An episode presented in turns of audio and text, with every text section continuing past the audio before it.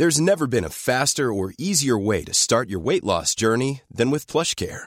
PlushCare accepts most insurance plans and gives you online access to board-certified physicians who can prescribe FDA-approved weight loss medications like Wigovi and Zepbound for those who qualify. Take charge of your health and speak with a board-certified physician about a weight loss plan that's right for you.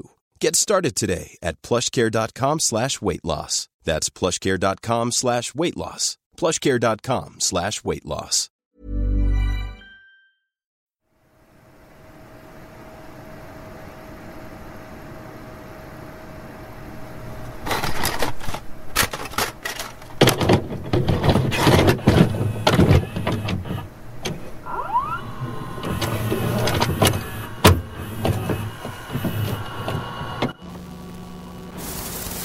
I'm going to give the people what they want sensation, horror, shock.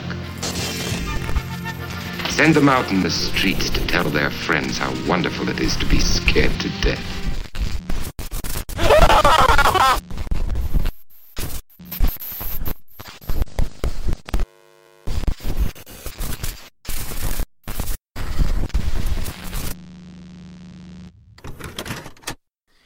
Välkommen till Skräckfilmscirkeln avsnitt 41.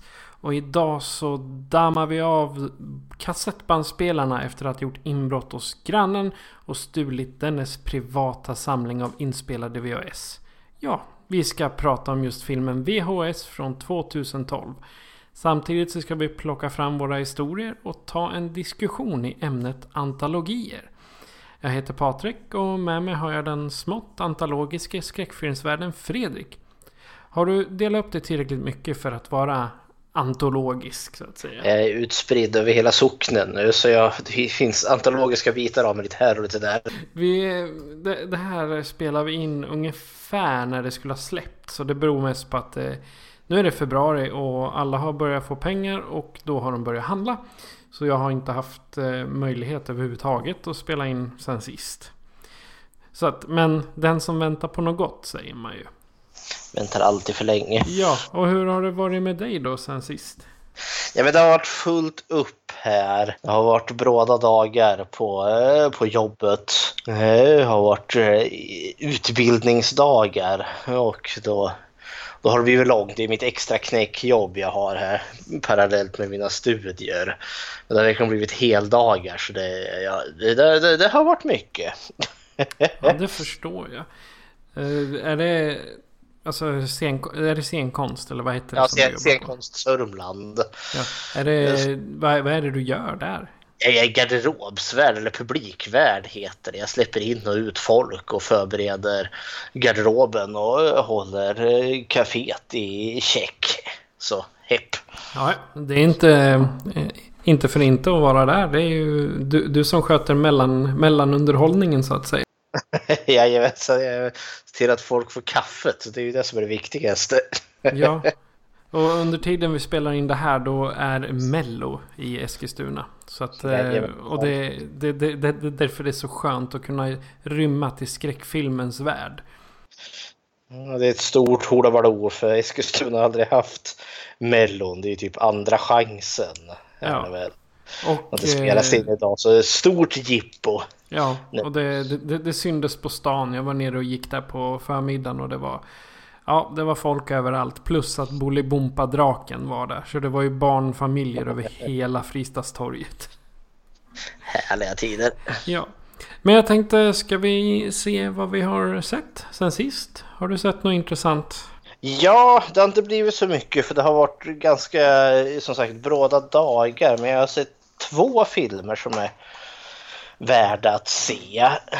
Eh, vilket, vilket medeltidstema upptäckte jag. Lite sådär hepp. Jag har sett den här Black Death med Sean Bean och sen den här Umberto Ecos eh, bok som senare då varit en film i Rosens namn. Eller Rosens namn heter den väl bara. Med Sean Connery va? Med Sean Connery och en väldigt ung Christian Slater. Ja, ja men eh, ingen av dem är väl direkt liksom skräckfi skräckfilmer någon av dem egentligen men de har tillräckligt mycket drag i sig.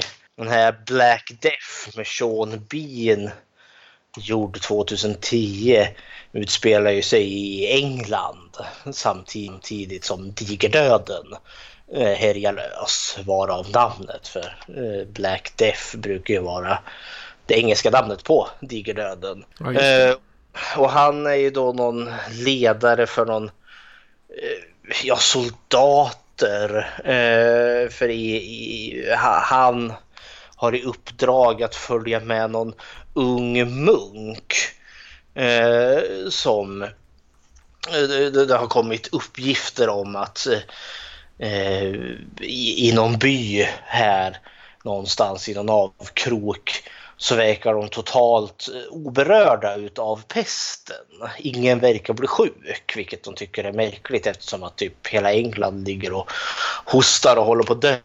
Och då eh, skickas då den här munken ut då, tillsammans med de här soldaterna för att ta reda på vad är det som försiggår där. Finns det någonting är nyttigt där eller är det, några, är det onda krafter igång? vidare och så vidare. Och så är det lite utav, typ halva filmen är nästan en, ja, en medeltida road movie. Ett eh, pesthärjat England.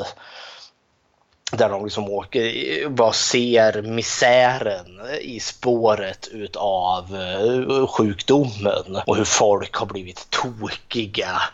Uh, det, det, det, är bra jäkla rått allting. De kommer på en grupp män där då, som, har, eh, som ska våldta någon kvinna där. Eh, och munken tycker det är alldeles förfärligt och vill ju att soldaterna ska eh, stoppa det hela.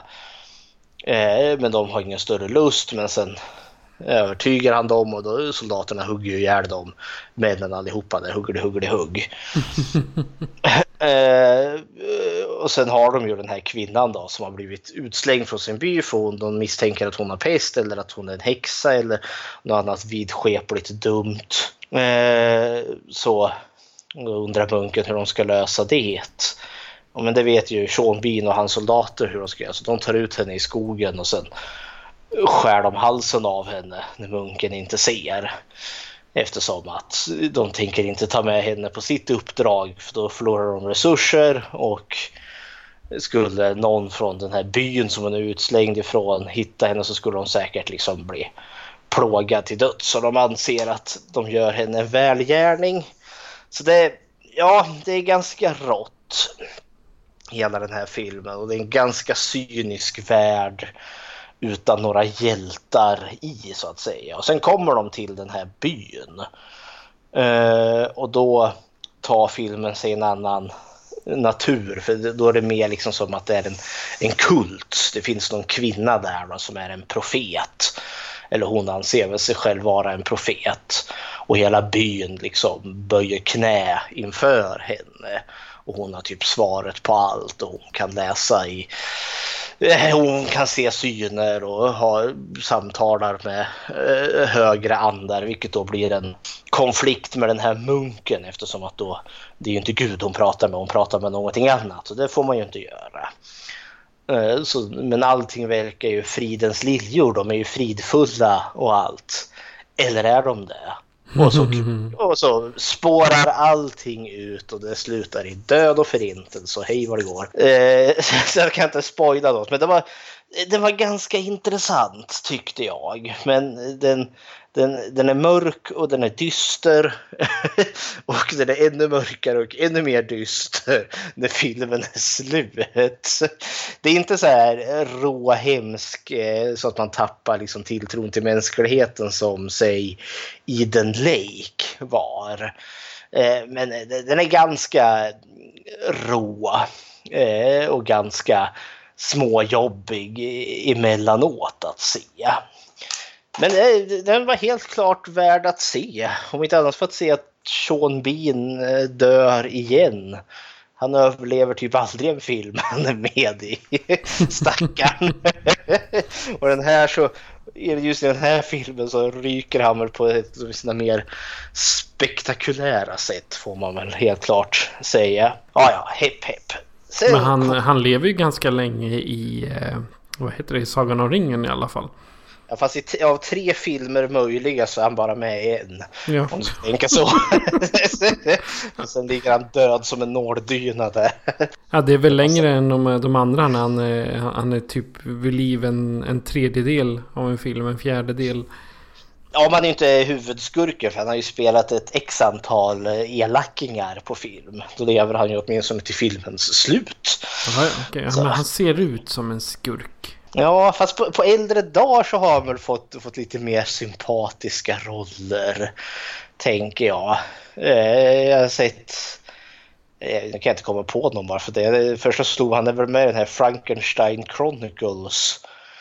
Men då vet jag inte hur sympatisk han är egentligen, men han har inte dött där ännu i alla fall. Nej. nej. Alltid något. Ja, han börjar bli till åren. Han är ju 60. Ja. Alltså snart är han på riktigt. Ja. Sen såg jag om eh, Rosens namn. Jag kände jag, jag var på humöret. Och jag satt lite och spånade på, eh, på planer inför vad säsong 13 på ABF av skräckfilmscirkeln kan handla om. Eh, och då slog det mig just, ja men medeltiden så hade jag ju sett Black Death innan här. Då kom jag att tänka på eh, Rosens namn. Som då är en bok skriven av Umberto Eco. Eh, som då eh, ja, utspelar sig i ett munkkloster någon gång i 1400-talet i Italien. Eh, och eh, Sean Connery är då en munk där. Eh, William from Baskerville tror jag han heter. Eh, som har sin unga protégé med sig, eller lärling är det väl. Eh, då spelad av Christian Slater och de är väl ute på någon pilgrimsresa eller något sånt där och så ska de ju ha sitt lilla stopp på det här munkklostret. Men lagom tills att de kommer dit så har det ju skett någonting otäckt. Eh, för att en, en av de yngre munkarna som bor där har kastat sig ut från ena tornet mot sin död. Eh, och munkarna eh, springer omkring och är ganska övertygade om att det är djävulen som har fått den här munken att göra det. Och det går också rykten om att det finns en, en ond, ond bok in, som innehåller förbjuden kunskap där. Och eh, paranoian slår alla möjliga eh, fantastiska rekord eh, på munkklostret där. Men det är just att Sean Connery, han är lite eh, han är en sån, eh, han är, vad kan man kalla han, är en skeptisk troende får man väl kalla det. Han, han hyllar det sunda förnuftet. Han hyllar förmågan att kunna tänka rationellt. Han tillhör inte de munkarna som tror att det är djävulen som har fått den här unga munken att hoppa ut från eh, tornet utan han tror att det finns någonting annat bakom. Han var bara väldigt deprimerad låter det som. Nej, det finns, eh, för, för sen, det finns en annan förklaring. Eh, För sen börjar munkarna dö. En efter, ena efter den andra. Oh. De hittas döda. På och det, det, och det, här lite, kanske liksom thrilleraspekten, kanske lite jallon, vet det italienska jallon kommer in. För det är verkligen en efter en efter en dör de. Det är inte så blodigt spektakulärt, spektakulära mord. För det är mord. Eh, men det är också alltså, så att de här munkarna hittas döda på ganska spektakulära sätt. Den här första munken han hoppade ju från tornet. Jag tror den andra munken de hittar hittar de liksom död i en stor, stor, stor kittel fylld med blod. För de slaktar ju djur och har sig på det där munkklostret för de har ju liksom sitt eget stall och slakteri och allt sånt där. Och så fångar de ju upp blodet i en stor, i en stor kittel ser det ut som. Och han hittar de ju död då. Eh, En munk, det är bara fötterna sticker upp ur den där kitteln. liksom ur, ur en blodig sörja där. Så ja, nej men eh, munkarna dör på löpande band så pass att eh, Eh, och paranoian slår till och de, eh, man tillkallar sig till slut inkvisitionen. Eh, och det är en eh, otrevlig ansamling människor som är där för att jaga rätt på Satan och utrota honom från eh, från munkklostret. Sen är det inte så kinkigt tycker den där inkvisitprästen om en jäkla massa oskyldiga människor hamnar på eh, och är på eh, brännbålet. Det, det gör inte så mycket så länge bara Satan kommer åt. Och mitt i allt detta har du stackars Sean Connery som försöker mana de här hysteriska munkarna eh, till att tänka rationellt. För spoiler alert, det är inte djävulen som är lös på munkklostret utan det är en, det är en tokig mördare. Oh, bam, bam, bam. det kunde man ju aldrig tro. Nej, det kunde man inte tro. Men jag, jag, gillar den här Rosens namn och jag har sett den många gånger. Det var en sån här jag faktiskt såg när jag fortfarande bodde hemma. Jag var kanske typ 12-13 eller något sånt där. Och den gick på SVT och vi såg den tillsammans med mamma och pappa och de tyckte den var helt för de hade sett den innan och tyckte ja men det, är okej okay att se den här för det finns lite lärdomar också. Att lära just det här med vidskepelse och vad vidskepelse kan ställa till med att inte låta känslorna sticka iväg. Uh, för jag ska, jag ska, det här är en ganska gammal film, tror jag gjord typ 80 86 ser jag här. Eh, men jag vill inte spoila den allt för mycket för jag tycker den här är väl värd att se för den som inte har sett den. Eh, så kan jag verkligen rekommendera Rosens namn.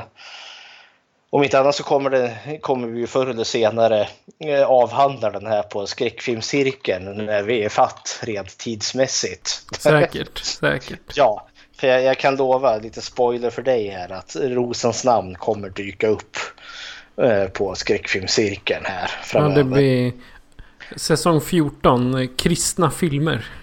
Ja, jag tänkte nog snarare köra just munkkloster. För det, det, det finns ju lite kul info där och så kan vi få in en mordhistoria mitt i alltihopa. Det är fläskigt och trevligt. Ja, det låter trevligt. Ja, kanske är på, på pass att påminna våra lyssnare om, om de kanske känner sig förvirrade, vad pratar de om? Vadå säsong 14? det är det, vi har ju skräck, podden Skräckfilmscirkeln löper ju parallellt med studiecirkeln som vi har på ABF som heter med, med samma namn, Skräckfilmscirkeln. Och det är det att eh, studiecirkeln startade ju vi 2014. Eh, och sen långt senare kom ju då podden till. Jag tror typ säsong 8 eller 9 eller något sånt där. Ja, det, vi har hållit på i snart ett och ett halvt år. Ja. Och då tänkte vi att när vi sen så skulle göra en podd utav den här då använde vi oss av de tidigare säsongerna utav skräckfilmscirkeln, alltså studiecirkeln. Ja. Eh, så eh, de filmer vi väljer är just från de tidigare säsongerna som vi har haft. Och det är ju en det... typ. Sen har vi ju tagit oss igenom Hellraiser-franchise och ja. mot Motorsågsmassakern. Alla de filmerna har ju inte varit med i studiecirkeln. Nej, det har men, inte. men vi har ändå haft det som utgång. Jag menar Motorsågsmassakern är en franchise. Men det är en, det är en slasherfilm och den är framförallt väldigt trendsättande. Och sen har vi egentligen bara gått igenom själva franchisen för att se hur den har utvecklat sig. Ja, för vi hade ju första motorsågen i studiecirkeln. Och då tyckte, tyckte vi väl att när vi nådde en franchise, när det finns uppföljare, då är det ju kul att ta uppföljarna också. Ja, ja, herregud. En hel del utstickare och vi har haft våra de här specialavsnitten och julklappsavsnitten och hej vad det har gått. Ja, det, är 40, det blir nummer 41 det här så det, vi har mm. jobbat på. Men jag kan avslöja att det här avsnittet, antologiavsnittet, det är då säsongsavslutningen på eh, säsong 3 utav studiecirkeln. Så eh, vi har nu med det här avsnittet har vi avhandlat de tre första säsongerna av studiecirkeln. Så vi har en hel del material kvar i och med att vi just nu i, i dagsläget när det här spelas in så håller vi på med studiecirkel nummer 13. Ja, så jag vi sk- har några sk- filmer framöver. ja, ja men skill- skillnaden har ju varit nu att med podden kan vi spela in varje vecka om vi vill egentligen. Även fast vi bara kör varannan. Men eh, som, och då kan vi göra det året runt. Mm. Med skräckfilmscirkeln så är det väl en eller två månaders uppehåll på över sommaren. Eller är det tre Ja. till och med? Ja, det beror lite på hur det funkar för oss rent tidsmässigt. Förra sommaren hade ju jag min praktik där i, i, i vad är det, Kils pastorat. Så det var ju därför det inte funkade då. Ja, då höll du dig till internet och podcasting istället. Jajamensan. Då så. Är det allt du har sett eller allt som är värt att nämna? Ja, det är allt jag har sett som är värt att nämna. Ja, jag har faktiskt... Eh, ja, dels så såg vi ju fredag den 13 3, 3D. Då på studiecirkeln här. Och det blir ju en liten spoiler då att vi kommer gå igenom de filmerna också. Om, om typ nio säsonger. Det kan hända att vi tar dem tidigare också. Ja, det, det, kan hända. Men eh, den är, det, det är inte så mycket att säga om den. Det, men jag, jag fick i alla fall lite inspiration. Och jag... Då på... I, eh, ja, kvällen efter då gav jag mig in på Jason X. Ja, jag, jag var så här trött i huvudet. Och liksom, jag ville bara ha någonting att titta på. Jag, så ja, nej men då gav jag mig in på Jason X med Jason in Space och hans jäkla supermega dräkt som man får på sig där. Uber Jason. Ja, precis. Uber Jason ja. Och ja, det, alltså handlingen den är, den är så gammal så jag tror de flesta vet vad, vad handlingen är. Men det är... Man hittar väl Jason på ett skepp nerfrusen ute i, eh, ute i rymden. Och det enda, enda sättet de har lyckats döda honom på är inget alls. De har försökt spränga honom, bränna honom, skjutit honom. Ja, de har försökt med massor. Men det, det enda som blir kvar det är helt enkelt att nej men fan vi får frysa ner han och skicka ut han i rymden. Så det är det enda sättet. Och självklart då så ska de här dumjävlarna till eh, vetenskapsmän. De ska studera honom. Men de vet inte vad det är de, de har gett sig in på. Och så händer det ena och det andra och alla på skeppet dör. Jag tror det, det är väl en två eller tre stycken som eh, överlever eller något sånt där. Ja, det är det. För ovanlighetens skull är det lite mer än bara en som överlever den filmen faktiskt. Ja, de har ju inte en final girl. De har ju både boy och girl där. Jag, jag tror, är det två eller tre stycken som överlever? Jag har tappat Jag bort tror det det är, ja, men det är en tjej, killen, en kille, ha- han som är så förälskad i sin, i sin robot. Just det, just det. Så vad kan man säga, det är hon, han och roboten överlever. Det var flera. Det är, det är tre kön som överlever. Ja. Undrar om En den han- klarar Bechdel-testet. ja. Det blir en han, en hon och en hen. Ja, precis. Hon och han och hen. Ja, nej, men sen, sen har jag mest kollat på tv-serier som inte har ett skvatt med skräck att göra. Så att jag låter det vara där. Men då har vi gått igenom vad vi har sett. Men eh, både du och jag tycker om antologier. Och innan vi ger oss in i den här världen då så tänkte jag. Vad sägs om en topp tre av våra favoritantologier? Ja, eh, kanske. Jag tänker vi, det var länge sedan vi hade en topp tre. Men jag tänkte vi kanske ska förklara vad en antologi är. Köra en liten faktabit här. Ja, vi tar det först. Tar vi våran, eh, tar vi våran topp tre. Ja, det låter alldeles utmärkt. Vi börjar så. För, för den här gången har jag inte särskilt mycket eh, Eh, att eh, komma med. Eh, för vad är då en antologi? Eh, det är, jo, det är ju då så enkelt som så att det är en ansamling korta berättelser. Eh, och det är ju lite vad en antologifilm är. En ansamling kortare alltså, historier med början, mitt och slut. Men som finns i en och samma film. Och det här började, liksom själva konceptet antologier började ju då i bokformat.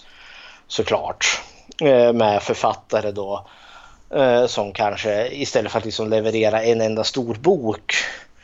Eh, alltså en enda stor sammanhängande berättelse så publicerade man eh, kanske flera korta berättelser.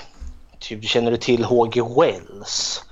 Han som skrev Världarnas krig bland annat. Ja, mycket väl. Han, ja, han har ju inte skrivit liksom enormt långa böcker utan han, men han har däremot skrivit väldigt många korta. Eh, så då samlar man liksom i regel hans eh, verk och så ger man ut det i en bok och då har du då en antologi. Likadant med Sir Conan Arthur Doyles, hans Sherlock Holmes berättelser eh, är oftast i regel ganska korta liksom berättelser på kanske mellan 50 till 100 sidor. Och det ger man ju inte ut liksom en bok utan då samlar du ihop kanske Eh, fem, sex sådana berättelser och då har du en bok på kanske typ 500 sidor. Ja, då har du en antologi med Sherlock Holmes eller Eh, H.P. Lovecraft skrev ju också massa korta berättelser, Edgar Allan Poe och, så vidare och så vidare och så vidare. Eh, det betyder ju inte att det inte fanns författare som kunde skriva större berättelser. Du har ju typ Mary Shelley som skrev Frankenstein och du har ju Bram Stoker som skrev Dracula och så en hel uppsjö andra författare. Men så vart det eh, att liksom kunna sprida korta berättelser. Jag menar Stephen King, eh, jag samlar ju på hans verk. Och en hel del utav de böckerna som jag har ståendes i bokhyllan är ju väldigt många utav hans eh, vad heter det, kortare berättelser. Novellsamlingar kan det kallas också. Novellsamlingar. Ja, och det, och det är liksom inte så mycket mer att säga om det. Antingen var det liksom som så att man samlade från en författare. Eller så kunde man ju liksom samla från flera olika författare men under typ samma tema. Typ H.G. Wells skriver ju ofta science fiction. Så då kanske man hittar andra science fiction-författare och så slängde man in lite där. Så det finns inte så jättemycket rent att berätta vad liksom antologin Eh, är. Eh, men att det kanske mest börjar då i, i bokformat. Eh, det som skiljer när vi kommer till film sen är ju då att film har någonting annat som böckerna i regel inte har. För i böckerna är det ju liksom bara berättelse på berättelse på berättelse. Men i filmer när det kommer till antologier då har du dina korta små berättelser som dyker upp i filmen. Men du har någonting som brukar kallas för ramberättelsen. Som spänner över hela. Det är någonting som, som kommer finnas med under hela filmen som inleder filmen Eh, sen får du en kort berättelse som har början, mitt och slut och så kanske du har lite mer av ramberättelsen däremellan.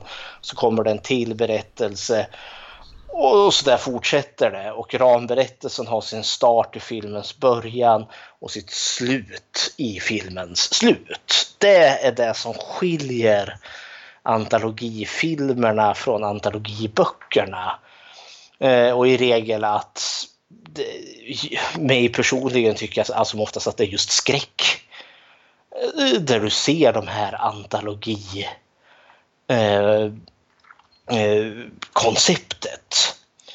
Eh, för jag tänkte en skillnad där eh, eh, det som just utmärker att det här är en antologi och inte bara en ansamling kortfilmer är just den här ramberättelsen som går eh, runt alltihopa. Tänk Tales from the Crypt där du alltid har The Crypt Keeper som kommer i början och säger någonting elakt och lite förebådande om vad som komma skall. Och sen har du hela berättelsen med början, mitt och slut. Och sen kommer The Crypt Keeper tillbaka igen i slutet. Så där har du vad som är en typisk antologi på film. Som jag då tycker finns en övervägande representation i just skräckfilm. För jag kan inte påminna mig om att jag har sett typ antologier, komediantologier eller actionantologier. Science fiction-antologier tänker jag däremot säga att jag har sett. Eh, typ som, eh, vad heter den här Netflix? Love, Death and Robots. Som kanske tänjer lite på begreppet i och med att du inte har ramberättelsen där men du har liksom något väldigt tydligt tema där. Så ja, sak samma. Men det är väl antologier i, i, i stora drag. Okej, okay, en samling av eh, korta berättelser med en ramberättelse. Runt omkring sig. Exakt, så det, det, det är som en bok med små texter. Ja, som en bok med små texter.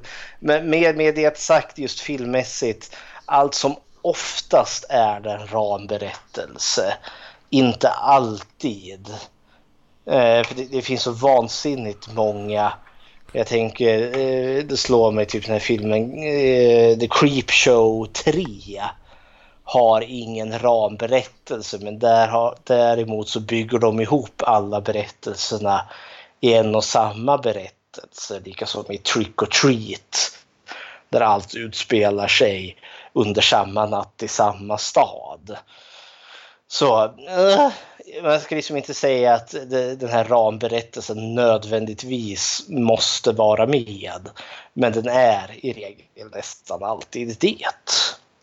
Då så, nu tycker jag att jag har kanske förvirrat folk tillräckligt länge med en förklaring om vad en antologi kan vara för något. Och då tänkte jag då kunde vi då skutta över till våra topp tre.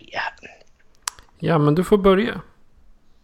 Jag börjar, då börjar jag bakifrån. Då. Det, alltså, tre, det är, så, det är så svårt att begränsa det för det finns så jäkla många antologier. Men jag valde då Tales from the Dark Side, the Movie. Som kom, ja den kom den? Någon gång på 90-talet, 93, 94 där någonstans. Jag kommer ihåg att det var en sån där jag köpte innan DVDn eh, gjorde int intrång ens en gång. Just för att jag var mitt uppe i den här Stephen King samlarfasen i mitt liv. Och den har väl inte riktigt gått över än. Men där stoltserar man ju liksom. Ah, men eh, Stephen King. Eh, Tales from the dark side. Och det visar sig att han har ju skrivit manus till en utav de här korta berättelserna. Eh, och det tyckte jag var awesome. Och, eh, den är fantastiskt underhållande. Den är ju i grund och botten en en tv-serie som startades typ 82-83 där någonstans utav George Romero. Eh, och eh, filmen kom långt senare då väldigt påverkad utav Tales from the Crypt. Med väldigt hög budget och med väldigt mycket humor och väldigt mycket slaskig skräck. Eh, för mig att första berättelsen är liksom berättelsen om en mumie, en klassisk mumie som kommer lös eh, från eh, på något museum där och gör slut på folk. Och andra berättelsen är om någon svart katt eh, som utkräver en hämnd på en, eh, på en hemsk familj. Och den sista berättelsen är om någon stackars karl som blir ihop med en kvinna som visar sig inte riktigt vara en kvinna utan någonting helt annat. men fantastiskt underhållande, blodig och med fantastiska specialeffekter för sin tid. Det är min nummer tre, Tales from the Dark Side, The Movie. Okej. Och min nummer tre, det är mm. Black Mirror. Det är visserligen en, en serie. Men det är en mm. serie med en, med, det är en lång antologi med typ korta filmer. Fast de är väl en timma styck. Och på ett eller annat vis så utspelar de sig trots allt i samma universum. Mm. Och det jag gillar med just Black Mirror är att de aldrig knyter ihop alla så att de liksom crossar över mot varandra. Utan de är i det universumet Men på olika nivåer. Mhm. Men som, som exempelvis eh, ett av avsnitten. Då sitter de och cyklar framför eh, tv-skärmar. Jaha, okej. Och på något sätt så. Jag tror att det ska symbolisera att det är de som står för elektriciteten eller någonting Ja, ja. i världen. Och sen finns det ett till där eh, man spelar på det här med sociala medier. Att en, de, folk går omkring i, i stan och sen typ hon... eh, Huvudrollen hon, hon köper kaffe. Mhm. Och sen ger hon eh, baristan 8,5 i betyg. Ja. Så här, och du, du måste ha ett visst betyg för att få göra eh, vissa aktiviteter. Du kan exempelvis inte flyga i första klass om du inte har ett visst betyg. Aha. Så det, det, just det, det avsnittet driver ju lite med nutidens eh, jakt på gilla-klickningar Mhm. eller delningar och så. Och sen är det en... Eh, ja, det, det vart en film också, Bandersnatch. Fast den, är, den, den funkar inte riktigt som serien gör. Men i alla fall. Hela Black Mirror är en samling utav små filmer. Men jag gillar att på något sätt så hör de till samma universum. Men det knyts aldrig ihop på vilket sätt. Mhm. Så det är min nummer tre. Det är din nummer tre. Och sen min nummer två. Som sagt, det är svårt. Det finns så mycket att välja mellan. Men jag har valt liksom mer av nostalgiska skäl. Och då har jag valt Creepshow film nummer två i den serien. Och varför just tvåan? Det är för att det är den jag såg eh, bland de eh, först egentligen i den trilogin. Eh, och framförallt är det just mittenberättelsen om ett gäng ungdomar som blir fast ute på någon sjö på någon liten flotte eller vad det nu är. Och så är de i sjön så finns det typ som en oljefläck ser det ut som. Eh, men den är ju typ har ju eget medvetande och är ju typ sån frätande syra som försöker liksom jaga fatt dem och smälta ner dem. Eh, och jag såg den kanske när jag var eh, 14, 13 eh, där någonstans. Och det fastnade i huvudet. I sådana här fantastiskt hemska specialeffekter av att se en människa bara smältas ner. Och samtidigt som det var obehagligt så har den alltid hela tiden den här lilla glimten i ögat som gör att man liksom förstår att det är bara på skoj, det är bara på låtsas hela tiden. Så det, den tar sig inte själv på så stort allvar. Eh, och ja, det, det, det är någonting väldigt underhållande i det. Så just den har ju liksom fastnat utav nostalgiska skäl. För det, ja, det är eh, Creepshow 2, även om Creepshow 1 är också väldigt väl värd att se. Creepshow 3 kan man däremot vara utan. Men ja, eh, i topp 3 då fick jag veta Creepshow 2. Ja, och min eh, nummer två är faktiskt VOS. Mhm. Och eh, jag gillade VOS. Eh, men eh, mer kommer sen när vi pratar om film. Okej, okej. Och min numero uno då. Eh, då återigen nostalgi. Eh, men också för att jag tycker det här är en av de genuint bättre. Eh, och det är ju då inte en film utan en, en hel serie precis som Black Mirror och det är då Tales from the Crypt. Eh, som kom där någon gång på, ja jag vill säga mitten av 90-talet med, med just The Crypt Keeper och allt vad det var. Alltså det, jag kommer ihåg de här filmerna gick ju sent på TV4. Eh, och det var ju en fröjd att sitta uppe kolla, läsa liksom i, i tv-tablån för att se, finns det då Tales from the Crypt? Ja, men det gjorde ju det. Och så eh, programmerade man eh, kassettbandspelaren eh, för att spela in det där avsnittet. Och det var ju alltid eh, Eh, så makabert. Och det var alltid så roligt att se. Eh, och det var specialeffekter, det var blod, det var naket.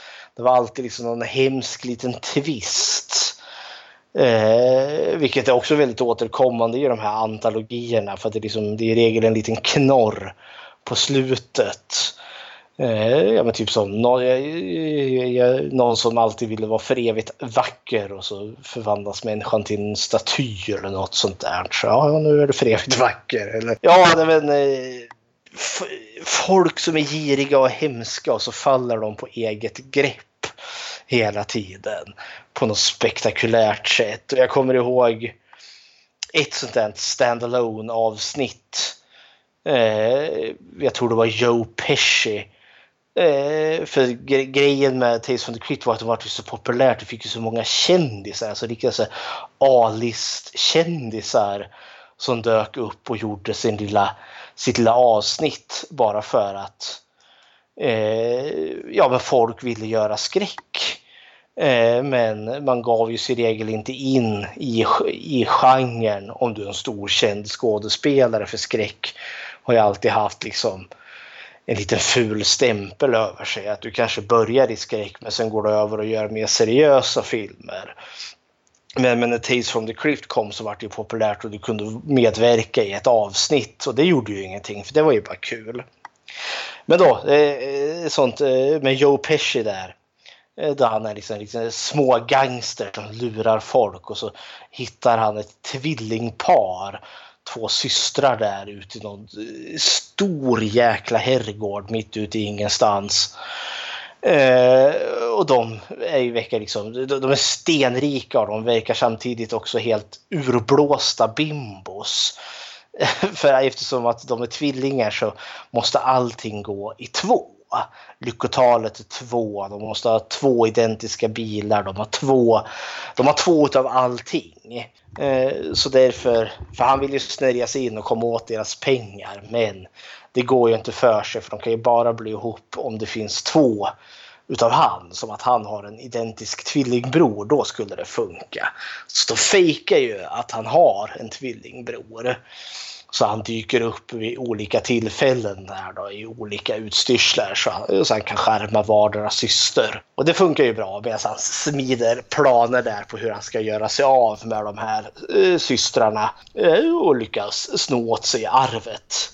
Men så uppdagas det ju i slutet att det är bara en utav honom och då blir sy systrarna eh, förbannade och binder fast han i sängen och så klyver de honom i två med en motorsåg. så att de kan ha en halva var där i slutändan. och så slutar episoden. Mm. Och det var det som jag tyckte var så fantastiskt med Tales from the Crypt. Det var liksom alltid liksom, ja, väldigt humoristiskt, väldigt makabert. Så ja, eh, utav allt som finns så är Tales from the Crypt min nummer uno. Det är den jag återvänder till mest. Ja, och eh, min nummer ett det är Nightmares and Dreamscapes. Mm -hmm. Och det är Stephen King. Eh, några av hans korta berättelser. Och där har jag en, eh, en favorit som jag gärna ser flera gånger. Och den handlar om nu är jag lite osäker på om det är Stellan Skarsgård som är med eller om det är eh, någon helt annan. Men han är... Eh, nu ska jag kolla på på eh, IMDB här om han mm. står med. Stellan. Eh, nej, det är inte Stellan Skarsgård. I alla fall så är det en man som eh, tar sig in på ett... Eh, en, en leksaksaffär eller leksaksbutik och skjuter eh, ägaren i huvudet. Eller han skjuter ihjäl honom i alla fall. Och så, för han är ju yrkesmördare på något sätt. Och sen när han kommer hem så står det ett paket utanför dörren. Som eh, han tar in och så låter han det stå. Och vad man inte ser sen är att det börjar krypa ut sådana här gröna... Vad heter det? Gröna militärgubbar, du vet sådana som man målar i plast. Leksakssoldater. Ja, precis. Typ sådana. De här som är kanske... Ja, vad kan den vara? En centimeter höga. Mm -hmm. I alla fall då så... Um, det, det som är speciellt bra med den här filmen är att den är helt stum. Ingen säger någonting utan det är yrkesmördaren han eh, skriker lite grann för att det gör ont. Men eh, i alla fall så utbryter en strid mellan de här små soldaterna och yrkesmördaren. Och det, nu, det här är en gammal film. Den är 14 år. Så håll för öronen om du inte vill höra spoilern på den här. Och det hela slutar med att eh, han får en atombomb i örat eller i ansiktet. För då är det liksom, det står att det är något sån här militär eh, set i plast och sen extra tillägg atombomb. Så att då har han liksom haft krig med deras eh, Alltså gevär. Vet du, det är som att, att se när det regnar på honom men det gör ont. Mhm. Och de har helikoptrar och raketramper. Ja, det... Men den, den är fantastisk den, den, eh, det avsnittet så att säga. Mhm. Så att... eh, Men det är min eh, nummer ett. Och jag gillar alla i den, den samlingen. Så Nightmares and Dreamscapes från 2006. Det är min favorit. Och där är väl grejen att det enbart är eh, korta berättelser utav Stephen King. Allihopa har för mig. Jajamän, det stämmer. Jajamän. Och man, man kan väl inte säga att det är ju inte någon antologi på det här sättet. Utan det är mera en eh, novellsamling-ish. Av Ja, det. fast det, det, den följer ändå så det här ganska väl ändå med den här lilla knorren på slutet. Och det är det som är kul med de här antologierna. För de här korta berättelserna, de skulle inte lämpa sig att liksom göra en hel film på en och en halv timme. För precis som den här som du berättade om med, med han eh, lönnmördaren som blev terroriserad av de här leksakerna. För jag har ju också sett den. Den utspelar ju sig i lägenheten liksom under loppet av en, ja, 20 minuter. Och dra ut det till en och en halv timme. Alltså med en typisk film. Och med filmens struktur med liksom tre akter. Det skulle inte funka, det skulle bara bli dåligt. Ja, det skulle liksom... Det, alltså kritikerna skulle säga kapa ner den. Mm.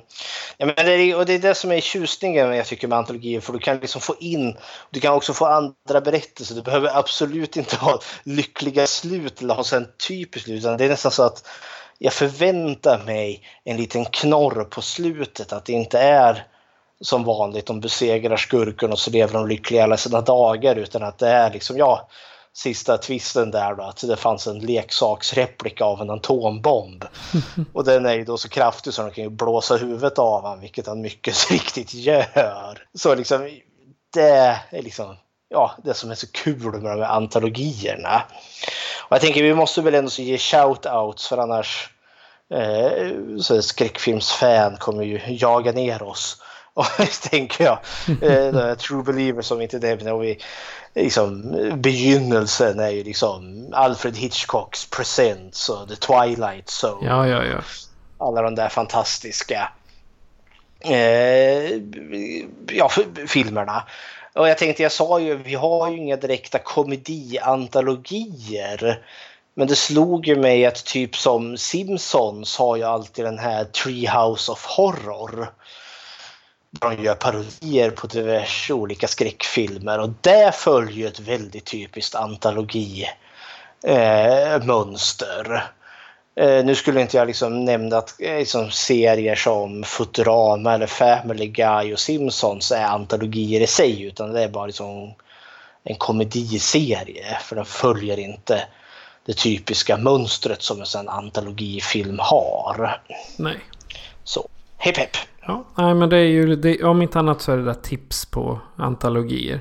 Jajamän. Och anledningen till att jag gillar just den där med leksakerna är just för att eh, jag använde bland annat den i min föreläsning. Mhm. Som jag höll i säsong 6 eller 7 någonstans där. Om filmmusik. Jajamän. Ja, men eh, då har vi inte så mycket mer att, att säga om fakta och våra topp tre. Och vad vi har sett. Mm. Helt enkelt. Ja. Japp. Men innan vi går vidare till själva filmen så har eh, vi på Facebook-sidan sänt live när vi har utlyst en vinnare i tävlingen om Leatherface från 2017. Som vi utlyste i förra avsnittet. Och vinnaren är då trumvirvel. Bang! Tony Josefsson. Som även nominerade sin eh, vän Nina. Till att eh, se, på den, se den här filmen. Och eh, vi fick eh, lite hjälp. Hunden Saga hjälpte till att lotta fram vinnaren bland alla kommentarer. Och eh, videon den kan ni se på Facebook. Jag sände det live, men det, det var inte så lång sändning. Men då, de, de som följer oss kanske satt och råkade se, se det i mobilen eller något sånt där. Ja, men då har vi pratat färdigt om inledande gällande antologi. Mhm. Så att, eh, vad säger du om att sätta i bandet och dra igång filmen VHS från 2012? Jajamän. Så här kommer en trailer.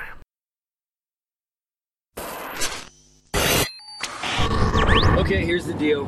We gotta break into this house, and all we have to do is steal this one VHS tape.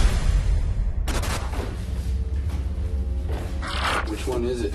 I don't know, man. Let's just look at this, okay? What's so special about this tape anyway? What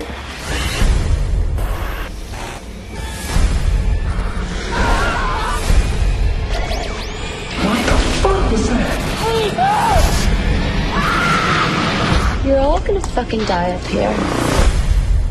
My apartment's haunted. It's not haunted. I'm sure there's a reasonable explanation.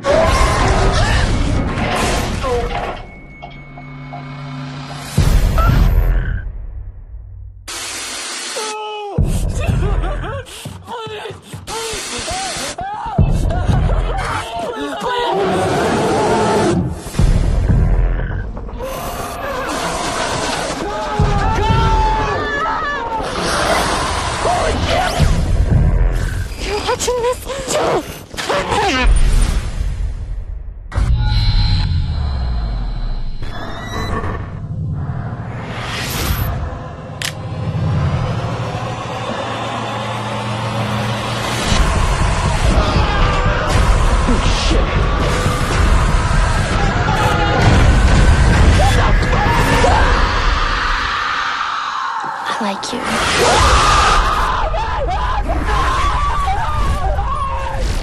Did you erase it?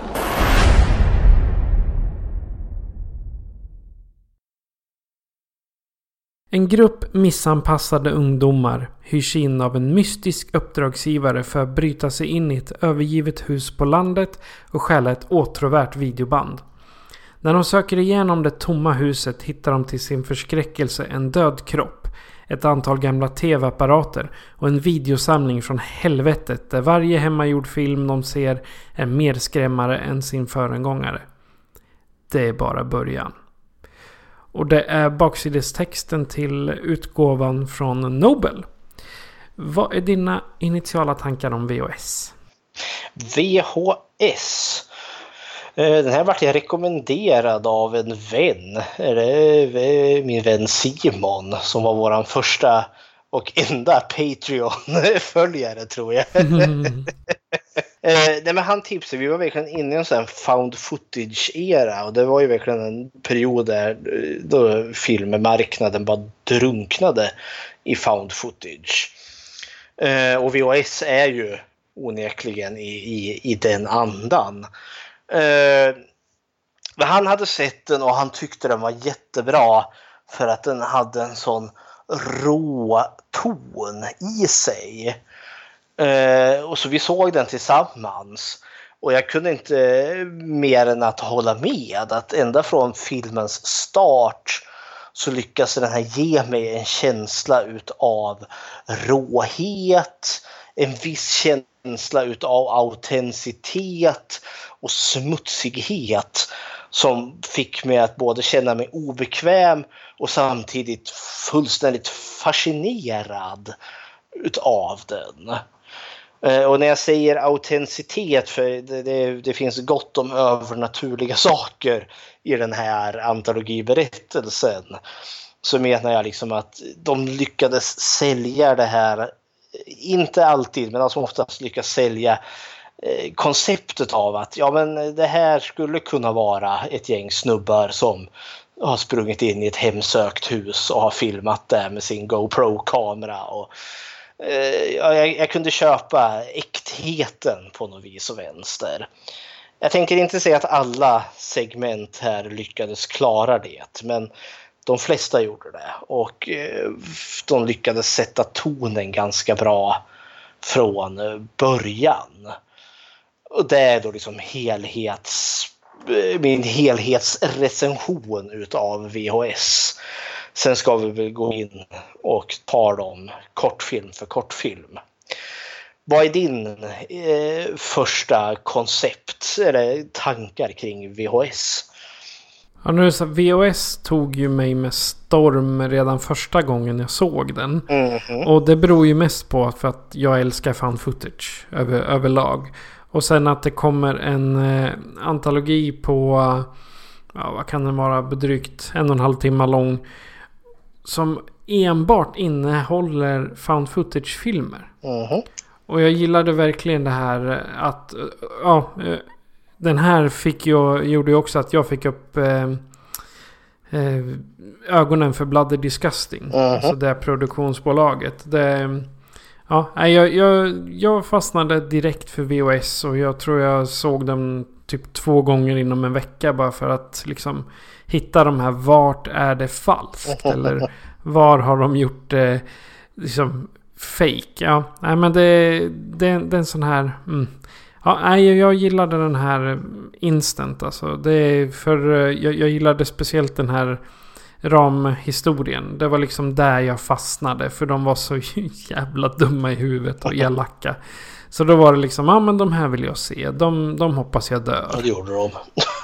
Ja, precis. Ja, men, det, det, ja, men det, det är ungefär så jag vill ha det i en film. Man, jag tycker inte om honom, hoppas han dör. Så dör han. Yay, jag tycker om filmen. ungefär så tänkte jag.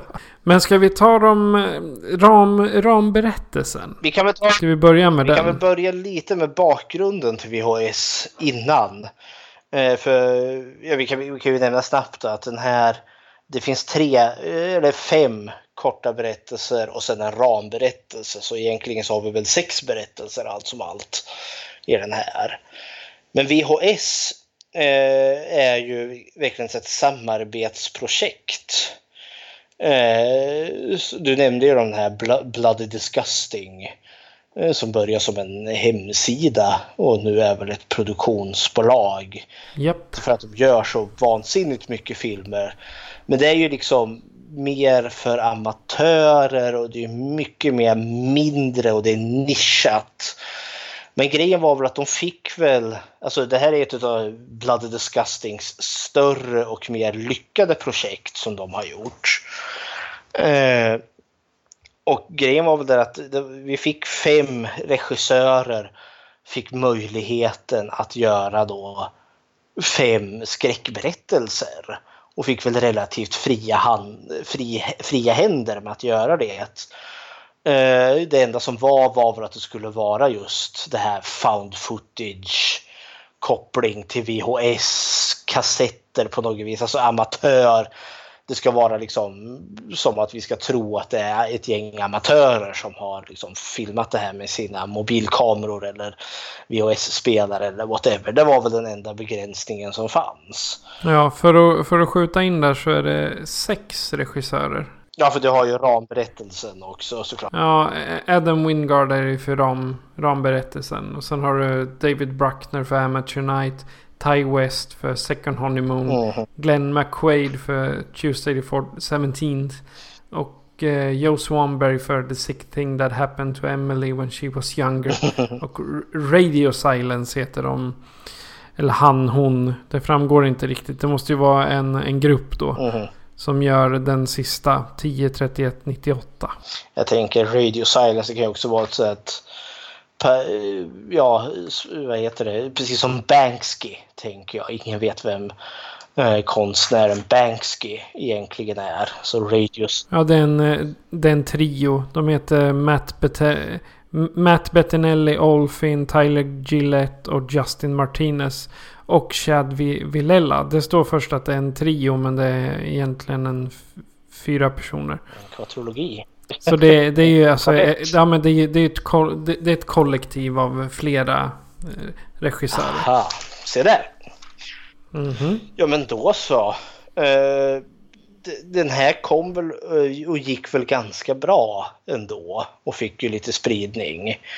Eh, och eh, hade väl början till någonting relativt stort. Eh, eller åtminstone till en filmserie här. Som kom av sig lite sen, men vi kommer till det. Men vi, vi går väl igenom i turordning här. Det låter bra. Och då börjar vi väl, och då börjar vi väl helt enkelt med ramberättelsen som heter Tape 56. Eh, utav då Adam eh, Wingard. Ja. Eh, som jag kollade upp här. Han har ju gjort eh, andra liksom filmer som You Next, The Guest och sen den amerikanska inte alltför lyckade eh, filmatiseringen utav Death Note. Och i år så kommer Godzilla vs Kong. Är det han? Som han regisserar. Se. Ja, han är regissör där. Det är inte dåligt. Nej. Ramberättelsen. Eh, den som satte tonen för mig. Det som är den här, det som följer oss genom hela filmen. Eh, nästan det viktigaste tycker jag här. För det, det, det, har, det här är ju när tonen i berättelsen ska sättas. Och den lyckas få den ganska obehaglig från början. För vi följer liksom ett gäng jag typ det första vi får se är typ det, det är en man i sina kalsonger där och han bär en kamera. Eller ja, vi ser ju, han, filmar, han blir ju filmad själv ur den där kameran och så gömmer, det verkar som att han gömmer den där kameran liksom i en hög med kläder så att den står riktad mot en, mot en säng. Och sen kommer det in en kvinna där då och så börjar de hångla och klä av sig. Så man förstår liksom att ja, han tänker filma eh, henne i smyg när han har sex med henne. Men sen klipper det plötsligt in blup, Eh, över liksom till eh, det andra är ett gäng män där som sitter och eh, beter sig i en, eh, i en bil. De håller på och spanar på ett ungt par. Så man förstår liksom, jaha, det, det håller på att spolas över den här andra kassetten. Och det klipps tillbaka med jämna mellanrum, ungefär som att det hoppar. Man plötsligt får se hur de ligger och rumlar runt i den där sängen igen. Men då får vi följa de här eh, männen då som följer, förföljer det här paret, en ung man och en kvinna där. Och så överfaller de dem eh, på ett parkeringshus. Några liksom bara flyger på den här mannen och brottar omkull han och så några andra springer ifatt den här kvinnan.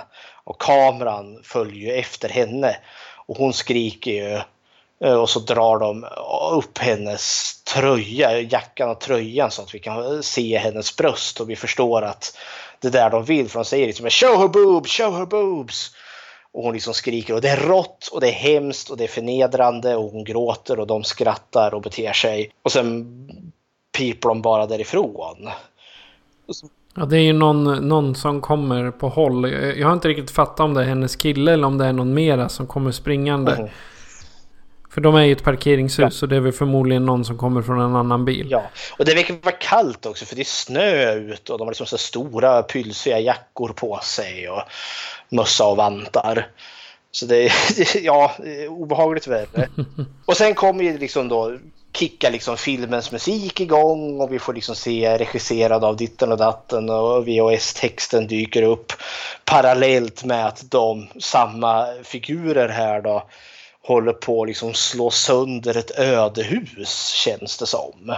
De har hittat något, de pajar rutor så när de är inne i det och slår sönder toastolen och eh, slår sönder eh, parketten och taket och väggarna och bord och stolar och allt vad de nu hittar.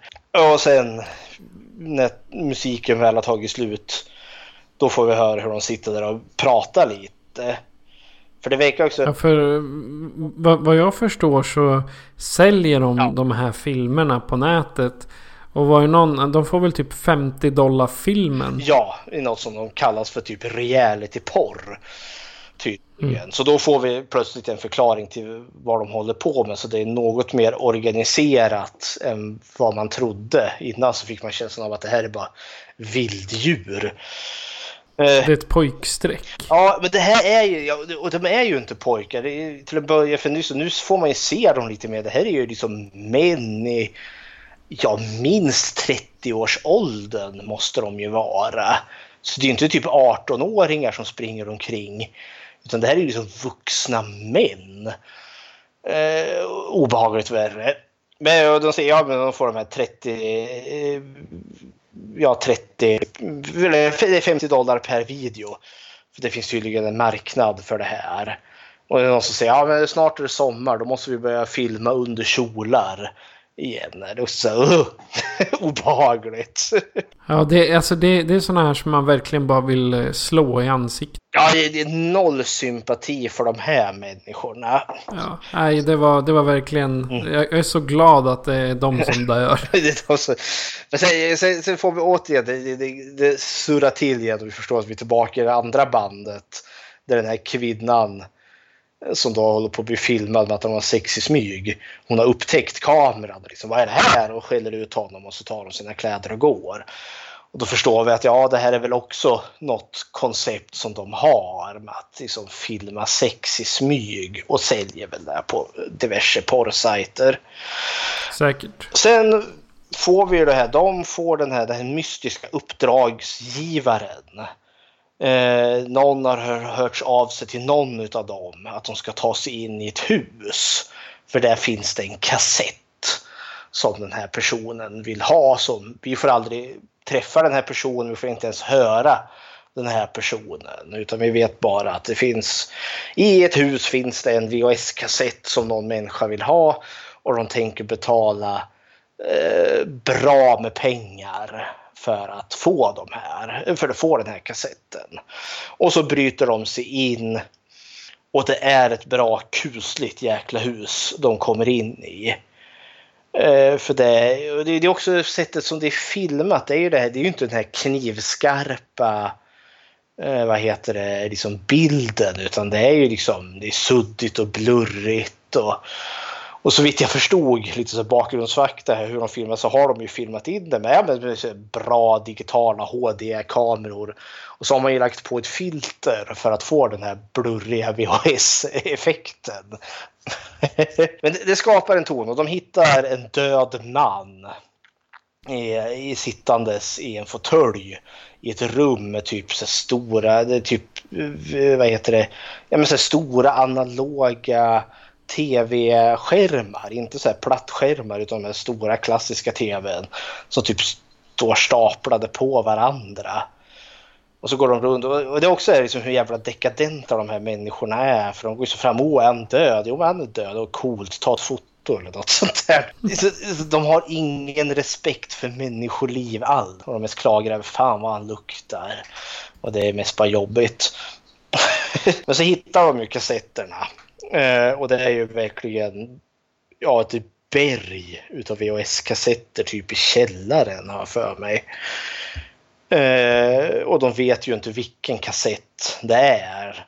De ska få reda på, eh, ni vet när ni ser den typ. Och det är då, eh, ja, tar en kassett, stoppar in den i spelaren. Och det är då våra kortfilmer kommer. Så det är de här fem kortfilmerna vi nu, eller ja, egna berättelserna vi nu ska få se. Så det är ramberättelsen. Och den tycker jag funkar ganska bra ändå. Ja, den, alltså, den, den funkar som en sån här, vad ska man säga, Ja, en ram. Exakt som, som, du säger. Det blir ju, i och med att det, det, det, är sju filmer eller sex filmer då löst. Så blir det som ett litet eh, rutnät. Och sen är ja. det de här mellan... Eh, alltså med den här döda snubben och mm. de vandalerna. Liksom, det, de små, det är bra. En bra paus liksom för att ta in den lilla filmen och sen ladda upp för nästa. Bara så att man liksom kommer ifrån det här att ja, men de kanske hänger ihop på något sätt. Och, fast de gör ju inte det. Ja, och ändå så lyckas de ju få den här bilden liksom att alltså ramberättelsen knyter ju ihop att det kanske existerar i samma universum. För det, är ju, det händer ju kusligheter i, i, i ramberättelsen också. De börjar ju försvinna en efter en i alla mellansektioner. Där i ena sektionen eh, mellan en film där så eh, då har vi, vad är det, den här mannen som satt död i soffan har ju försvunnit. och personen som satt och tittade eh, i rummet tillsammans med liket. Han är ju också borta. och nästan mellan varje sekvens när vi är tillbaka till de här hur de håller på där i huset så försvinner ju en av dem. Och i slutändan så är det ju ingen kvar och det visar ju sig i slutet av ramberättelsen här att den här döde mannen, han lever ju, han är ju någon form av zombie. Och det sista vi får se är att den sista killen springer skrikandes ner från någon trapp där han faller och landar i en hög. Och så kommer den här odöda farbrorn liksom och lumrar över honom och sen det sista vi hör är väl hans plågade skrik och sen var det inget mer med det. men men det, det som jag tänker, det som knyter ihop för de här filmerna, de här korta filmerna är ju liksom en ansamling liksom spökberättelser av olika slag. Men i och med att vi har det här ramberättelsen så fick jag känslan av att, liksom att ja, men det här är på de här VHS-kassetterna har vi ju faktiskt bevisat att det händer konstiga saker i världen typ riktig creepypasta dyker upp här ungefär. Det är liksom huset de är i står på någon porten till helvetet eller vad vet jag. Det är liksom hemska onda berättelser fastnar på VHS-kassetter och samlas i det här huset från helvetet. Tycker jag. Eh, det är väl det som jag gillar kanske med VHS också, att den inte förklarar vi har liksom frågetecken. Varför hur? har vi Ja, varför, hur? Varför har vi en odöd farbror i ett hus fullt med kassetter med massa kusligheter på? Nej, det får vi ingen förklaring på. Det behöver vi inte nog få heller. Och sen en massa tv-apparater. Jag menar, han har en hel hög med tv-apparater står Jajamensan. Och alla brusar. Vad, vad har han de andra till?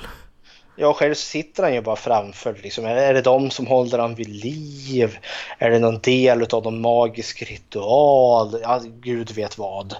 Det är nog lite Lovecraftianskt obehagligt över det hela. Det känns... Jag tror inte det är meningen att vi ska förstå. Nej, och jag gillar det. Det är plus i kanten till VHS som inte låter förklara sig. Utan, och det är väl en del som eh, orsakar obehagskänslan för mig med VHS. Så ja, hepp. Ska vi gå igenom filmer, kortfilmerna en efter en? Ja, och allra första filmen heter ju Amateur Night. Jajamän. Regisserad av David Bruckner. Indeed. Som också har skrivit den, ska jag säga. Mm -hmm. Tillsammans med Nicolas Tekoski. Tekoski. Uh, det här är ju jag måste, eh, vi får följa tre killar här. Shane, Patrick och Clint. Eh, de ska ut och göra en kväll i, i någon stad någonstans. De ska göra en krogrunda där, en pub crawl. Eh, och de har köpt spionglasögon. En av dem har liksom, de som ser ut som glasögon men i de här glasögonen finns det en dold kamera. Eh, och jag var tvungen att googla upp det för jag tänkte är det här science fiction? Finns sådana här glasögon? Men ja. Ja, det gör det. Till min bedrövelse så finns de bevisligen. Det är bra för oss som har glasögon. Ja. Att vi kopplar på så kan vi göra roliga videor. Ja, de här killarna har ju inte hyggliga avsikter. De ska supa och de ska bete sig och de är ganska högljudda. Det är väldigt så här bro! Och de är väldigt skräniga och de är tanken, de ska väl göra, de ska ha en trekant. Eh, ja, de försöker hitta, med, hitta någon tjej och ta med ja, sig till motellrummet. Det är liksom planen som ska de filma detta när de här tre stycken då ska ha sex med en och samma kvinna. Och, och hon då ovetandes om att hon ska bli filmad. Eh, och så är det ju hur de sticker ut på baren och eh, det är partypartaj och det är hoolabaloo baloo och det är hög musik och de dricker och blir berusade. Och så träffar de då en kvinna. Eh, Lisa heter hon. Eh, och hon verkar liksom, ja men hon, hon är lagom berusad och de häller i henne mera. Eh, så hon verkar ju vara måltavlan. Men hon har en kamrat en eh, tyst försynt liten tjej liksom, som hon vill introducera som heter Lilly. Och Lilly är jättemärklig och konstig. Hon är liksom, ja men... I like you. I like you. Och en annan förstår ju liksom att eh, börjar liksom fara och färde. Liksom nu, någonting är på gång med henne. Något stämmer inte med henne. Nej. Och också liksom det, det- här höjer liksom mitt, Uh, mitt, uh, mitt, mitt hopp om vart den här filmen är på väg. För de här killarna tycker jag inte alls om. Alltså de, de, de är inte riktigt lika obehagliga som eh, de i ramberättelsen. För de är bara vidriga. Men de här killarna känns inte heller okej. okej. För jag ogillar Men de är, de är lika mycket våldtäktsmän de. Ja, visserligen, men vi får ju en liten inblick i... Jag var tvungen att skriva upp det. eh, För de, får ju med sig både Lily och Lisa till eh, hotellrummet där. Och Lisa är ju så pass berusad så hon, hon tuppar ju av och ligger där i sängen. Och en av killarna där ligger ju på henne liksom, mm, och klämmer och känner. Men då säger ju den ena, men nu får du sluta för hon är ju faktiskt medvetslös. Och om du fortsätter med, ja då blir det våldtäkt. Och då slutar han ju faktiskt. Ja, det, det vart jag förvånad över. Ja. Jag trodde att han skulle fortsätta med tanke på hur tonen är i, i, i resten av filmen. Ja, och jag vart också lite konfunderad för deras plan är ju att eh, de ska ha sex eh, med, med, med en kvinna då eh, och, och, hon, och o, hon då ska ovetandes bli filmad. Vad de ska göra med den här filmen framgår väl inte riktigt. Om det, jag, jag tolkar det mest för att de ska ha den för sitt egna högsta nöjes skull. Men visserligen, de har moral nog att inte ge sig på en medvetslös kvinna. Så eh, alltid något. så, så, men Lisa ligger medvetslös och då ligger, kommer ju allt fokus på Lilly istället. Och Lilly hon har ju verkat som att hon har ju förtjusat sig ner i han som har glasögon som du säger, som du sa där, för hon I like you. Hon är jättemärklig. Hon kommer, liksom, hon, hon kommer lite närmare liksom varje gång och liksom, hon håller sig tyst och försynt men så kommer hon liksom nära honom. I like you. Och hon, har, vad jag tyckte den från början, hon ser liksom lite konstig ut i pannan ungefär som att det är någonting som inte riktigt är som det ska vara. Så det är ungefär som att hon har ett R mitt i pannan. Och jag tycker att under filmens gång där så blir det där liksom, det blir bredare och bredare och bredare. För jag tycker att hennes ögon satt tätare i början av filmen. Och längre liksom närmare slutet, då är de mer isär. Ungefär som att hela hennes ansikte har gått och blivit bredare. och ja, mycket riktigt så blir det ju så i slutändan. Ja, för det som händer är ju att ja, Lilly är väl inte en människa av något slag. För de drar ju av henne kläderna där. Eh, och hon har ju typ klor eh, på fötterna. Det liksom, ser ju typ, typ som att hon hade fjällig hud. Och så liksom istället för tånaglar så är det ju som eh, typ vassa klor som sticker ut. Eh, och men två av de där killarna verkar ju inte riktigt lägga märke till det. Utan det är bara den tredje, han med glasögonen, som verkar märka det. Sen var jag också tvungen att notera liksom hur pass grafiskt det är rent naket i den här filmen. För det är ju liksom full frontal nudity. Alltså vi får ju se eh, henne eh, naken liksom eh, med kön och allt. Men det får vi ju också med killen. Eller en utav dem. Får vi också se honom helt och hållet naken. Både framifrån och bakifrån. Jag tänker, det är inte så jäkla vanligt i film också. Eller eh, enligt min erfarenhet. Och jag tycker det sätter en viss ton. När vi får se liksom, liksom så osensurerad nakenhet. Påverkar det dig någonting? Alltså det, det visade ju mig att det här är inte en snäll film. Okej. Eller den är, den, är, den är inte gjord för den breda publiken. Den är inte gjord för att släppas på eh, Rio här i, här i, i, i lilla Eskilstuna. Utan den här den ska gå på någon filmfestival och sen ska den spridas till entusiaster som oss exempelvis. Det, det är ing, ingenting som du... Ja, det, det kommer inte bli någon stor film. Det vet vi. Den kanske kommer till oss som är entusiaster. Den sprids på eh, streaming. Den sprids på nätet. Men jag läste på lite. För, för först hittade jag inte den här. Innan jag hittade min lilla DVD. Då, då var jag liksom... Jag var ute på Netflix, via Play, HBO, Amazon Prime. Ingen av dem hade VHS på streaming. Så jag var liksom tvungen att köpa skivan för att kunna titta på den. Och eh, menar, den måste ju med andra ord antingen vara för grotesk. Eller så har de helt enkelt inte viljan att köpa in den till sina utbud. Och jag är lite förvånad över det. Ja, förvisso. Jag tycker HBO borde inte ha något större problem. Jag tänker med sina... Med Game of Thrones, där har du gott om naket våld. Men visst, ja, lång historia kort. Lily är ju någon, jag vet inte om hon är en vampyr eller en succubus eller hon är ju ett monster av något slag. Eller en Nazgul ser det ut som eftersom hon kan flug, flyga. Fluga. Jag säger Nazgul, tänker du Sagan om ringen? En Nazgul?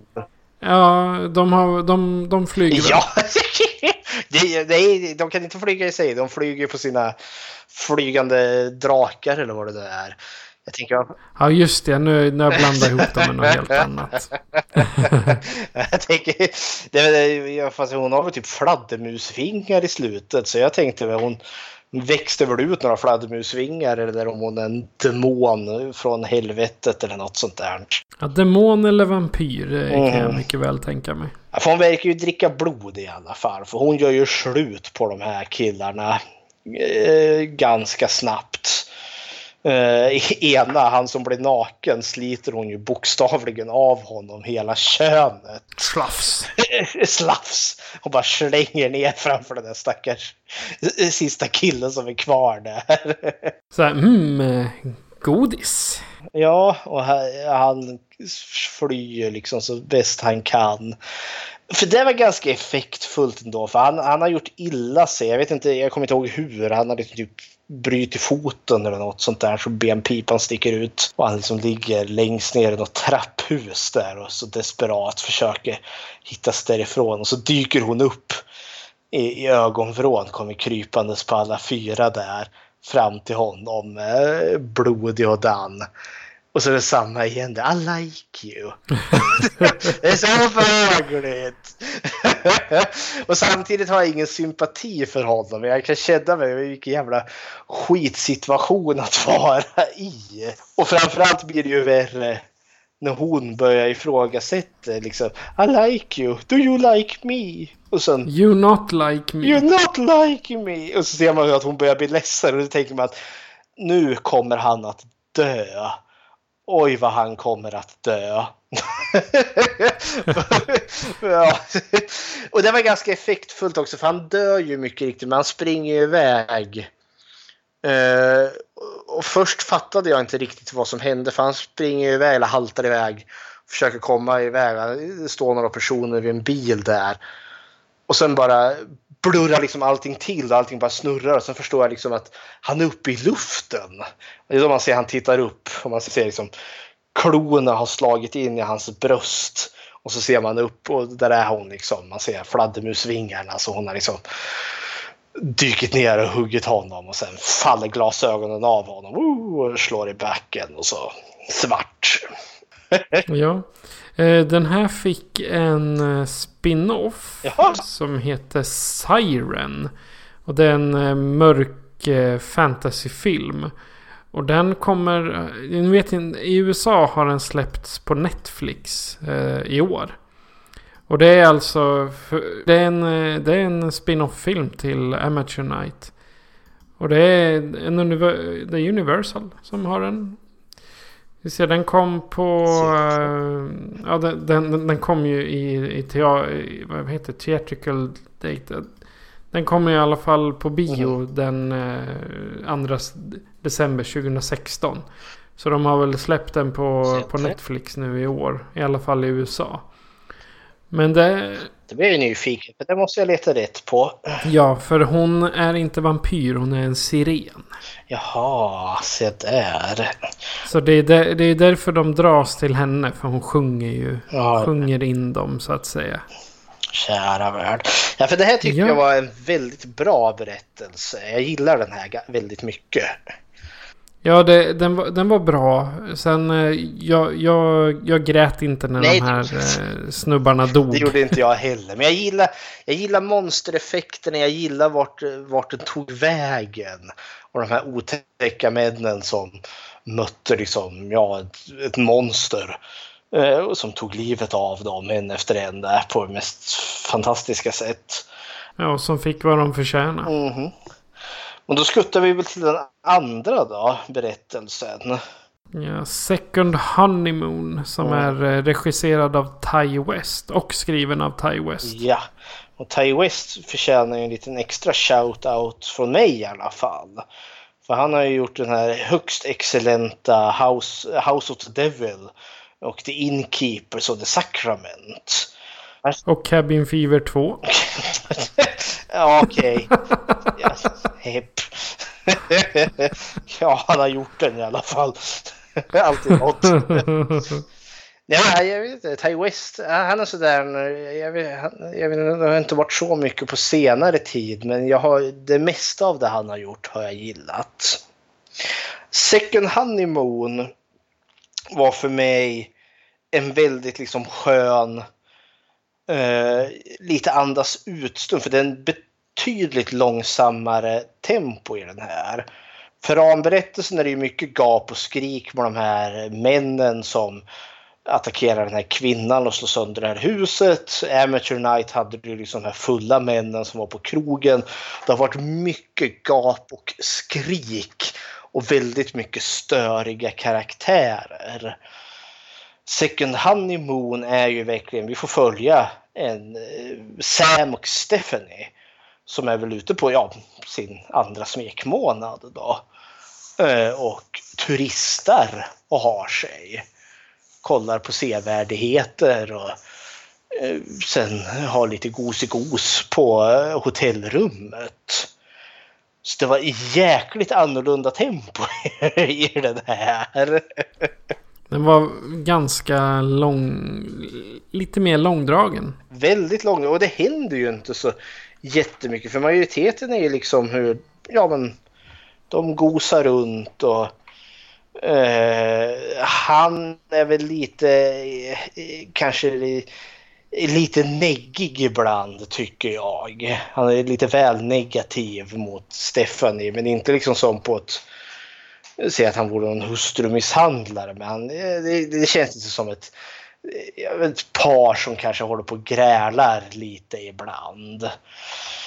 Sak De, bje, de bjäbbar på varandra som Ja. alla andra par. Jajamän.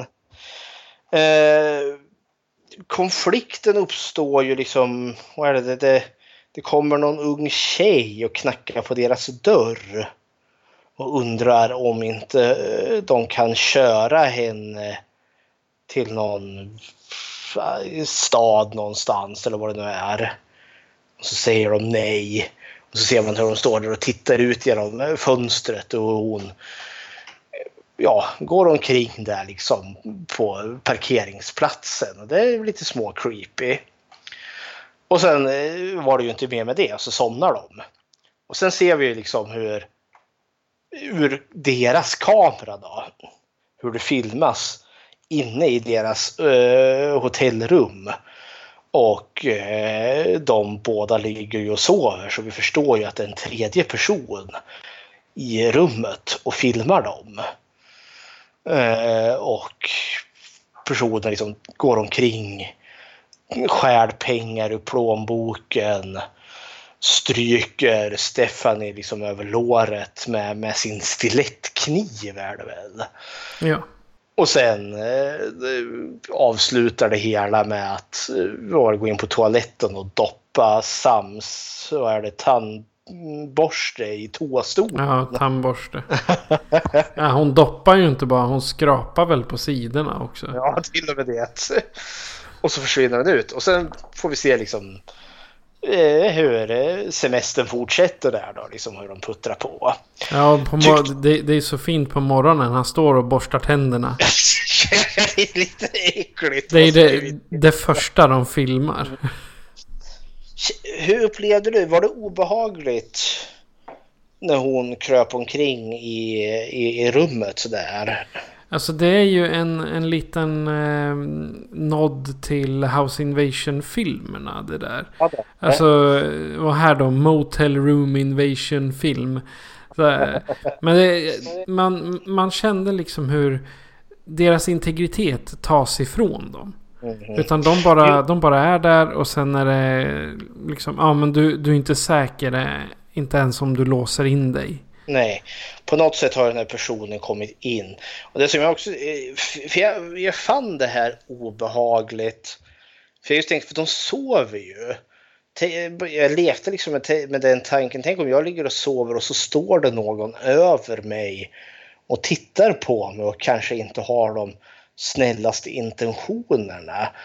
Det känns jätteläskigt för man är så utelämnad. Skulle, skulle den personen göra någonting elakt emot den så skulle man ju inte ha en chans. Så det är lite obehagligt. Måste jag villigt erkänna. Vi, vi skuttar väl fram till hur den här slutar för det... det eh, spoiler alert om ni inte vill ha twisterna avslöjade i de här men vi, vi spoilar ju ganska hårt. Ja. För jag tycker att slutet här är verkligen det som gör den här Second Honeymoon riktigt obehaglig. För det, det blir ju samma igen. Vi- De, de, de är ute och nojsar på och sen andra kvällen i ett annat hotellrum så dyker den här personen upp igen. Men den här gången mördar hon ju faktiskt Sam. Med att Gan, ganska många hugg i halsen. Ja, och det är jätteobehagligt för det kändes... Det, och det, ju- det, ja, jag vet, allt är ju fejkat såklart. Men det kändes... Eller? Ja, det är ju såklart att det är fejkat. Nej, men för det, det kändes oöverljust att han, han ligger där och sover och så plötsligt bara sticker hon den där stilettkniven i halsen på honom.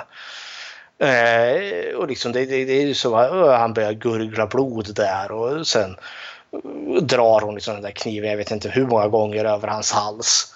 Och tänker, han, han har ju inte en chans. Nej. Det känns, ja, det, det känns rått och det känns hemskt måste jag villigt erkänna.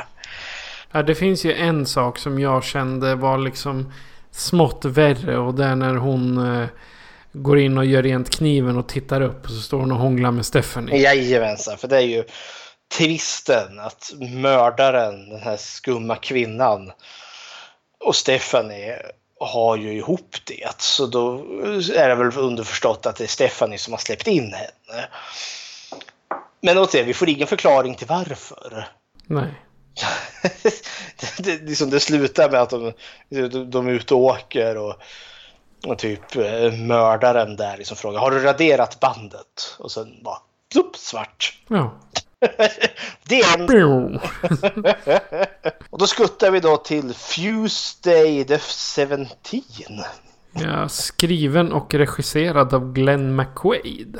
Ja, han hade gjort den här I Sell the Dead och jag vet att jag har den ståendes i min bokhylla. Har inte sett den ännu. Ja, jag med faktiskt. Mhm. Den här Han har inte gjort så mycket. Nej, och den här tyckte jag är nog den sämsta i av de här kortfilmerna. Ja, den här är lite så här... Eh, Jag vet inte, den är så annorlunda. Ramberättelsen, Amateur Night och Second Honeymoon. Även om det, liksom, det, det, det, det urspårat har fortfarande en viss känsla av som sagt verklighet. Jag kan köpa att det här liksom, ja men det, det är spökeri men det är ändå så hänt i verkliga världen. Uh, Tuesday the 17, den är för, vad heter det, för, ja, jag kan inte köpa det övernaturliga som dyker upp i den här filmen på samma sätt som jag kan uh, med de övriga. För grejen är så, Tuesday, eh, tisdagen den 17 är ju vad den här heter. Alltså det är ju en parodi på fredagen den 13. Eh, och det den här handlar om är ju ett gäng ungdomar. De är ute och åker eh, och de stannar vid en sjö och så kommer det då en mördare som vi inte kan se för varje gång han dyker upp på bild så är det ungefär som att eh, fil, alltså att eh, bilden inte kan tracka just där mördaren är. Så vi kan inte se mördaren ordentligt utan det är bara liksom ett blurr. Ja, det är bara fyrkanter som kommer. Ja, det glitchar och det är pixlar och sådana saker.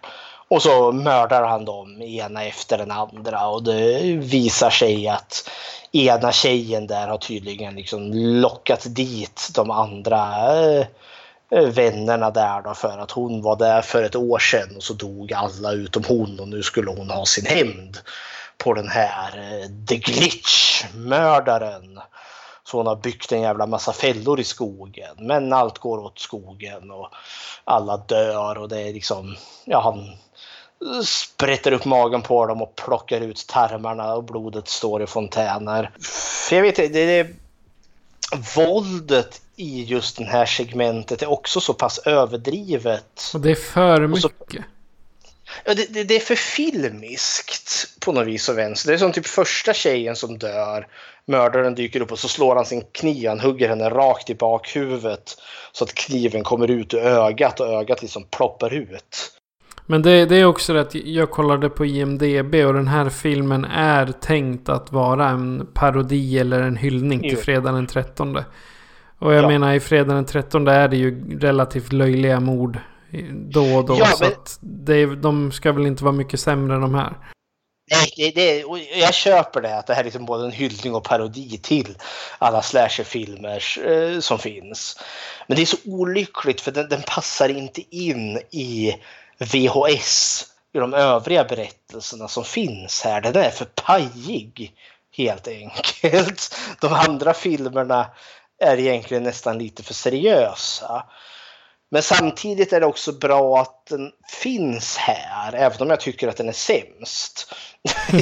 I, i, den här, just för att vi- det är, ett, det är ett litet andningshål som påminner oss om att ja, men det här är, det, det är fantasi, det är hittepå, det, det går att ha kul och lite tramsigt i de här filmerna också. Men ja, ja nej. Sämst här tycker jag i alla fall. Ja, där, därav eh, våran, så ska man säga, fåordiga diskussion om den. Ja, den lämnade inga avtryck hos mig i alla fall. Ja, Då går vi till den fjärde kortfilmen här då. ja the, the sick thing that happened to Emily when she was younger.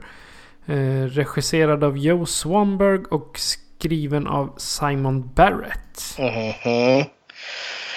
Den här är lustig tycker jag. För jag kommer ihåg när jag såg den här filmen första gången. Jag gillade inte segmentet innan, tisdagen den 17. Jag kommer ihåg att jag inte var så förtjust i den här heller. Men nu när jag har sett om den så tycker jag ja, den har en hel del och den är ganska kuslig ändå. Dels så ändrar den ju lite, för nu, nu är det ju ingen GoPro-kamera, det är ingen handhållen kamera utan allt är filmat från en laptop den här gången. Och vi följer då Emily och James som håller på eh, skypar med varandra eller något sånt där. Ja, något där i, i närheten. Och Emily har, eh, hon bor i, ett, i en lägenhet och hon tror att huset är hemsökt. Eh, Hon hör konstiga ljud och saker och då pratar hon med James. Så vitt vi förstår James håller på att utbilda sig till doktor Ja, eller något sånt där. Eh, För, för hon, hon klagar också om att hon har ont i armen. Något ja hon, har ju nå- hon känner att hon har en bula i armen. Ja. Eh, för det var det här som... För, för sen är det, hon tror att det är hemsökt och det, det, det, plötsligt springer det förbi något barn och smäller i någon dörr där. Eh, sp- spökar lite värre och sådana saker. Och det tyckte jag var kusligt i sig. Men sen tog den här en sväng åt ett annat håll. Eh, som fick mig att, eh, när jag såg den första gången, som jag inte alls tyckte om. För, för vi har haft det här med spöket. Och liksom, oh, det är kanske kusligheter på gång. Ja, men det, det är lite kul. Så kommer det en scen helt plötsligt och hon sitter, oh, men man, ser liksom, man ser inte riktigt vad hon gör men det ser ut som att hon håller på att klia sig i armen. Och så tar hon bara upp armen och så visar det sig att hon håller ju på att köttar i sin arm, alltså gräver i sin arm med typ en gaffel eller en kniv eller något. Ja, hon säger något om att ja, jag, jag, jag tror jag har fått ut den. Ja, jag har hittat något. Jag tror det är liksom en... Och, det är liksom, och hon är verkligen inne, liksom, man ser kniven är inne under huden och bara grötar. Och det, det är jättegroteskt. Och hon verkar liksom helt liksom... Ja men det här är helt normalt. Eh, Hon är helt likgiltig till det alltså. och det fick mig säga wow, vad hände nu? Eh, När jag såg den här första gången. Och jag störde mig nästan för så är det liksom, "Nej, jag behöver något större så tar hon bort det. Det är ut liksom en riktigt så här, eh, jag bara, vad, vad, vad kan det vara? Någon form av så, ja, vad heter det? Grillgaffel? Tror det är en, jag tror en köttkniv eller? Nej, alltså det, det ser ut som en gaffel men den har ju bara två. Aha. Den har inte, inte en gaffel med flera utan, utan det är sån då när man, när man vänder kött på, på, på grillen med, med två Ja, eller skink, skinkgaffel Ja, tror jag det kanske. kallas också. stor jäkel. Liksom. Åh, men jag kommer inte, det känns som att det är det. Så tar fram den där jättegaffeln. Liksom. Ja, den ska hon in och gröta i armen med. Men nej, och då, då får han ju henne att sluta. Eh, sen blir det mer spökligheter. Eh, och det slutar med att hon, jag vet inte om hon blir utslagen på något vis och vänster. Men hon svimmar väl? Ja, eller om hon blir nedslagen av spöken eller vad det nu är. Eh, För grejen är liksom att hon har ju gått runt i lägenheten där, för hon törs inte se på spökena. Så han, eh, James då, får ju då agera hennes ögon. Hon håller liksom, hon går med laptopen framför sig så kan han säga liksom om, om det står något spöke där. Eh, och så händer det något om hon svimmar eller blir nedslagen vet fåglarna. Och så ligger hon där i en stor rul. Och så öppnar sig garderobsdörren. Eh, hon, hon ligger där omgiven av de här spökbarnen. Och så öppnas typ garderobsdörren och utkliver han James. Som att han hade bott i garderoben där. För vi har ju förstått innan genom deras konversation att han är på typ andra sidan Amerika. Men det var han tydligen inte utan han var i garderoben. Ja, eller ru- rummet bredvid. Yes, någonstans. Han fanns bevisligen nära. Eh, och så kliver han fram och så skär han upp hennes rygg. Man ser han, han rullar upp hennes tröja. Och så skär han upp hennes rygg och liksom skalar av köttet så att vi kan se revbenen. Och det var, det var fantastiskt bra gjort för det kändes väldigt autentiskt.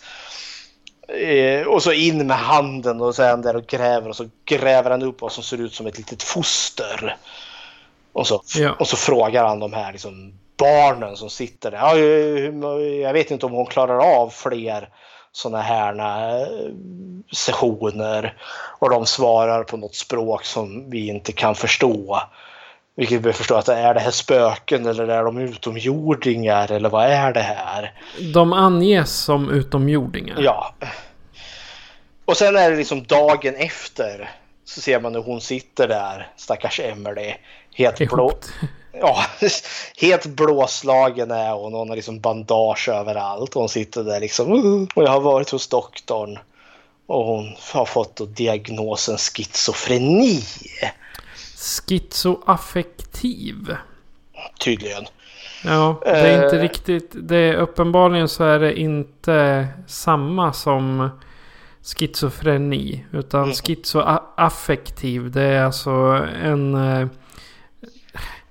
Det, det, det är något som kommer utifrån eh, en, en bipolär sjukdom. Ja, Om jag har förstått det rätt. Det är, jag, jag kollade på Wikipedia och det är full, eh, fullproppat med olika medicinska me, m- medicinska termer och sådär. Men eh, man kan också kalla det för psykotisk depression. Enligt Ja. vad jag har förstått. Så att det, Det, det behöver inte vara schizofreni utan det, det kan också vara rent att du är deprimerad och får en psykos. Ja, för det var det, för plötsligt nu när jag såg om det, jag vet inte varför jag inte tänkte på det när jag såg den här första gången. Men då vart den ett helt annat ljus. Dels också för att första gången så vart jag väl så överraskad av allt konstigt som var med i den här filmen. Eh, men nu tänkte jag liksom att ja, det här kanske inte hänt alls. För det är en schizofreni eller vad det här nu var, har ju just att göra med en förvrängning utav hur du uppfattar verkligheten. Och är det som säger liksom att det är ett psykotiskt tillstånd till och med så kan ju det komma ganska plötsligt. Så spökena och det här att hon gräver under huden och barnet som han gräver upp ur hennes rygg. Har kanske aldrig hänt överhuvudtaget utan att det är bara en manifestation utav hennes psykiska sjukdom. Vi får liksom se hennes vanföreställningar. Men. Men. det upprepar ju sig på slutet då han pratar med en eh, ny tjej, James, samma James. Och en helt ny tjej och hon säger typ samma sak som Emily gör i början på den här. Liksom, det är så trevligt, men det, det kliar i armen och jag tror det är hemsökt här. Pam, pam, pam. Låt det vara. Du behöver inte, gör inget mer. Jag tittar på det när jag kommer nästa vecka. Jajamensan, precis som han sa till Emily där. Så då, ja. ja. Men här, alltså det, det där. Vad är det för pojkvän? Han säger inte ens men gå till doktorn. Ja. Nej, vänta med det där så tittar jag på det nästa vecka. Ska vi tro att allting som händer där då ska vi ju förstå att han samarbetar ju med utomjordingar. Om man inte är en utomjording rent utav.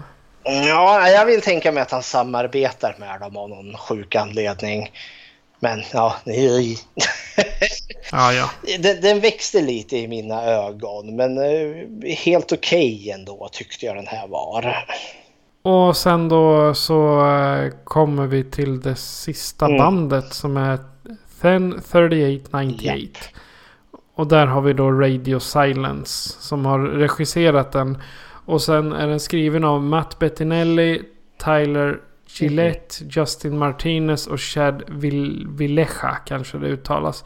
Och det är ju de som är Radio Silence. Ja, okej. Okay. Det enda jag kunde skriva här är att samma grupp människor hade gjort den här Southbound också. Som också är en sån här mm. antologiberättelse producerad av Bloody Disgusting som jag hörde, har hört lite snackis om. Så det, den är jag nyfiken på att hitta på. Kan tänka mig att de är typ Bloody Disgustings eh, husregissörer. Skulle, typ. skulle tro det. Eh, titeln då anspelar ju sig på att det här är ju då Halloween 1990. Så den här utspelar sig inte i... i 1998. Ja, 1990. Va? Nej, 10 är, eh, är oktober. Mm. 10 eh, är oktober. 31 är dagen och 98 är året. Jaha, är det 98? Jag fick för mig att det var 90 av någon anledning. Jag Nej, sak 98. Det är jag som skriver, skriver fel. Jag sak samma. Eh, den här tycker jag väldigt mycket om faktiskt. dels också för att vi får, nu det är en grupp unga män här som nu ska ut på ett halloweenparty. Eh, och det jag gillar med den här är just att de här fyra killarna Matt, Chad, Tyler och Paul som jag skrev upp att de hette. de är faktiskt trevliga. De, ja, de, är, de, de är sådana här som man tycker om. Ja, men det här känns som hyggliga killar som ska ut och ha lite kul. De andra liksom grupp män vi har sett här, eller grupp av personer som har följt, har liksom alltid varit otrevliga ute för att vad heter det, filma sex i smyg eller överfalla folk på stan. Eh, så det är en liten frisk fläkt att få liksom personer som verkar som att ja, men det här är kanske genuint trevliga killar. Det här är personer som jag nog skulle kunna tänka mig att hänga med. Eh, de går väl på college inbillar jag mig. Och ska nu ut på, på ett halloween-party. En har klätt ut sig till Unabombaren, en är en pirat, en ser ut som en soldat och en ser ut som en nallebjörn. Men han ska vara en, eh, vad var det, nanny. Nallebjörn, nallebjörn med en nannycam. En nannycam. Teddy nannycam. Om jag nu ska, alltså jag vet, antingen åker de fel eller så blir de lurade dit utav övernaturliga krafter. Ja, de får ju fel adress. De får fel adress och kommer till ett hus som de då tror är, eh, är där partyt ska vara. Och så sker det kusligheter som vi inte får se. Men som de, eh, för det är några som säger oh, det kom ut händer i väggen. Det såg jätterealistiskt ut. Eh, detta måste vara det bästa hemsökta hus jag har varit på. Just att de tar det inte seriöst för att de tror att det är någon som har spexat till det. För att det då ska vara ett hemsökt hus för det är halloween och man ska ha halloweenfest. Men det är ju typ ingen där och de tror liksom att de är först. Och sen hör de skrik på, eh, på, på vinden.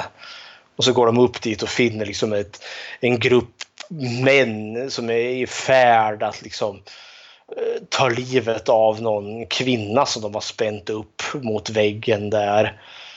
Och de liksom eh, håller på att tjänta någon ramsa så det känns som att det är en religiös grupp som ska ta livet av en häxa eller något sånt där. Och de tror ju att allt är på låtsas och liksom äh, hänger med liksom när de börjar tjänta där. Och gruppen kommer av sig. Eller de bara, de männen står och blänger på dem. Liksom, vilka väggar ni? Liksom, dra härifrån, försvinn! Och sen börjar folk dö helt plötsligt. Som en osynlig kraft som bara sliter iväg dem. Eh, och de här killarna får ju panik och eh, vill springa ut. Men så hör de ju tjejen skriker och beslutar sig för att det här är hyggliga eh, människor. Att de måste hjälpa henne. Och så de ska springa in och, och rädda henne? Ja, och då sker det ju allsköns läskigheter. Allt det där som de beskrev. Och det kommer händer i väggarna och det liksom händer kusliga saker som vi inte fick se. Nu får vi ju plötsligt se det. Det kommer ju bokstavligen händer i väggarna och handavtryck liksom uppenbarar sig på väggarna och det skakar och det låter. Och det är väldigt effektfullt. Det här, jag tänker nog säga att den här är väl den som har mest specialeffekter i sig. För de här händerna som kommer ut i väggen och griper efter dem är, är ju dataanimerade men såg ju väldigt väl ut faktiskt tycker jag. Ja, och sen samma sak de här eh, när de dras upp i taket. Ja, och bara försvinner. Det, ja, det är också väldigt alltså, välgjort för där har de ju haft selar och grejer. Mm. Annars hade inte det kunnat gjort. Nej, Nej men med nöd och näppe tar de sig ut därifrån och räddar den här tjejen och det visar sig att det var ju ett misstag. Hon var väl något monster av något slag. Plötsligt befinner de sig inlåsta i sin bil ståendes på ett järnvägsräls och så kommer det ett tåg. Pang! Och, sen, och pang! Tack och godnatt för dem. Men det, det jag noterade nu först är att det är eh, Radio Silence som har huvudrollerna. Jaha. Sad Matt och Tyler. Det är ju de som har skrivit den. Jaha, och det är, bara, det är bara Paul som är en annan Paul. Ja, ja, ja. De har ju sina riktiga förnamn. Ja, ja, ja se där. ja, så att... Eh, det, det tänkte ju inte jag på när jag såg eh, sluttexterna där. Men nu slog jag upp den på Wikipedia. Då liksom...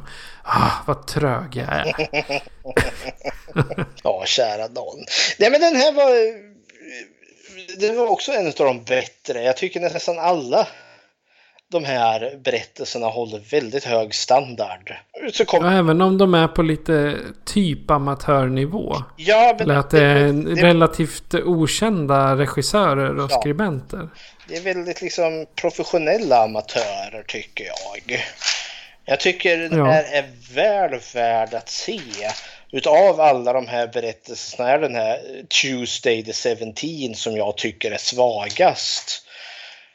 Eh, men, person, men alla andra är faktiskt förvånansvärt bra ändå. Ja, faktiskt. Eh, och ramberättelsen funkar också. Det sista vi får se den sista utav de här otäcka männen som möter sitt öde där i huset och sen får vi eftertexten och så var det bra med det. Jag, tycker den här är bra. Eh, Det, det är ju inte riktigt sån här liksom eh, kul film med grabbarna kväll, tycker inte jag. Nej. Den är, den har liksom ett försök till att vara lite djupare. Eller den har, det är svårt att förklara, men alltså, den har en känsla tycker jag av eh, den är inte riktigt lika rolig som säg Tales from the Crypt eller Creep Show. Nej. Den är lite elakare den här. Tycker jag. Lite roare, lite snuskigare, lite smutsigare. Ja. Det här, den mottogs ganska varierande i media. Som eh, Variety exempelvis. De tyckte den var lite, lite för lång. Ja, det är det. Det, om, man, om man kunde ta bort en... eh, Det är så här. Some trimming, perhaps relegating a weaker episode to a DVD extra. Would increase theatrical chances. Ja, men ta bort eh, Tuesday the 17th då. Jajamän. Då kanske den kan komma på bio. Mhm. Man vet aldrig. Man vet aldrig. Nej, men jag tycker den som diggar skräckisar är den här väl värd att eh, leta rätt på. Tycker jag. Ja, helt klart. Så, och det, det kom ju en, inte en uppföljare utan två uppföljare. Till, Ja, VHS 2 och sen är det väl VHS Viral. Jajamensan. Och det fanns ju potential att liksom göra liksom som en eh, eh an, vad heter det, antologiserie här. Eh, för VHS 2 är helt okej enligt mig. Men VHS Viral är, ja, där tappar de konceptet totalt tyvärr. Eh, ska vi säga något lite kort om VHS 2? För den har både du och jag sett. Alltså egentligen så förtjänar den ett avsnitt om sig själv. För det är ju... Jag, jag vet inte om det är två eller om det är tre. Eller, eller sju kanske rent utav historier även i den. nej, nej, det är det inte. Det, det är Nej väl, men vad är det väl? Fyra eller vad blir det, det? fyra. det är väldigt enkelt för det är liksom komma ihåg. Det, det, det är fem berättelser i första, fyra i den andra, tre i den tredje. Så det blir en mindre per film. Ja men de blir ju lite längre istället. Ja fast visserligen, eh, den här är ju bara en och en halv timme lång, mer komprimerad och allt det där. Eh, Men betydligt Ja. mer eh, har inte samma mörka ton som första filmen har. Nej definitivt inte. Mhm. Men eh, jag, jag tänkte den kanske vi kan ta ett eget. eh, Den, den kan helt enkelt få ett eget avsnitt tycker Ett jag. litet miniavsnitt. Ja exakt. Det, det kan ju komma lite längre fram. Mhm. Eh, Så den, den sätter vi på listan. Ja, stackars boven. Vart han alldeles Ja. ensam. Oh ja, hon har ju bara den andra och mig här. Men det duger inte. Nej, nej, nej. Det, det, det ska vara matte. Punkt slut. Nej men slutord om VHS. Jag rekommenderar verkligen VHS. Eh, kanske lite råare än genomsnittet men väl värd att se. Ja, eh, jag håller med om det råa. För jag, jag såg här på IMDB någon, någon som har roat sig med att räkna alla fuck som sägs. Och det är 240 gånger som de säger fuck. Det är inte dåligt. Nej. Nej men jag håller med dig. Det här är en utav godbitarna när det gäller found footage. Mhm.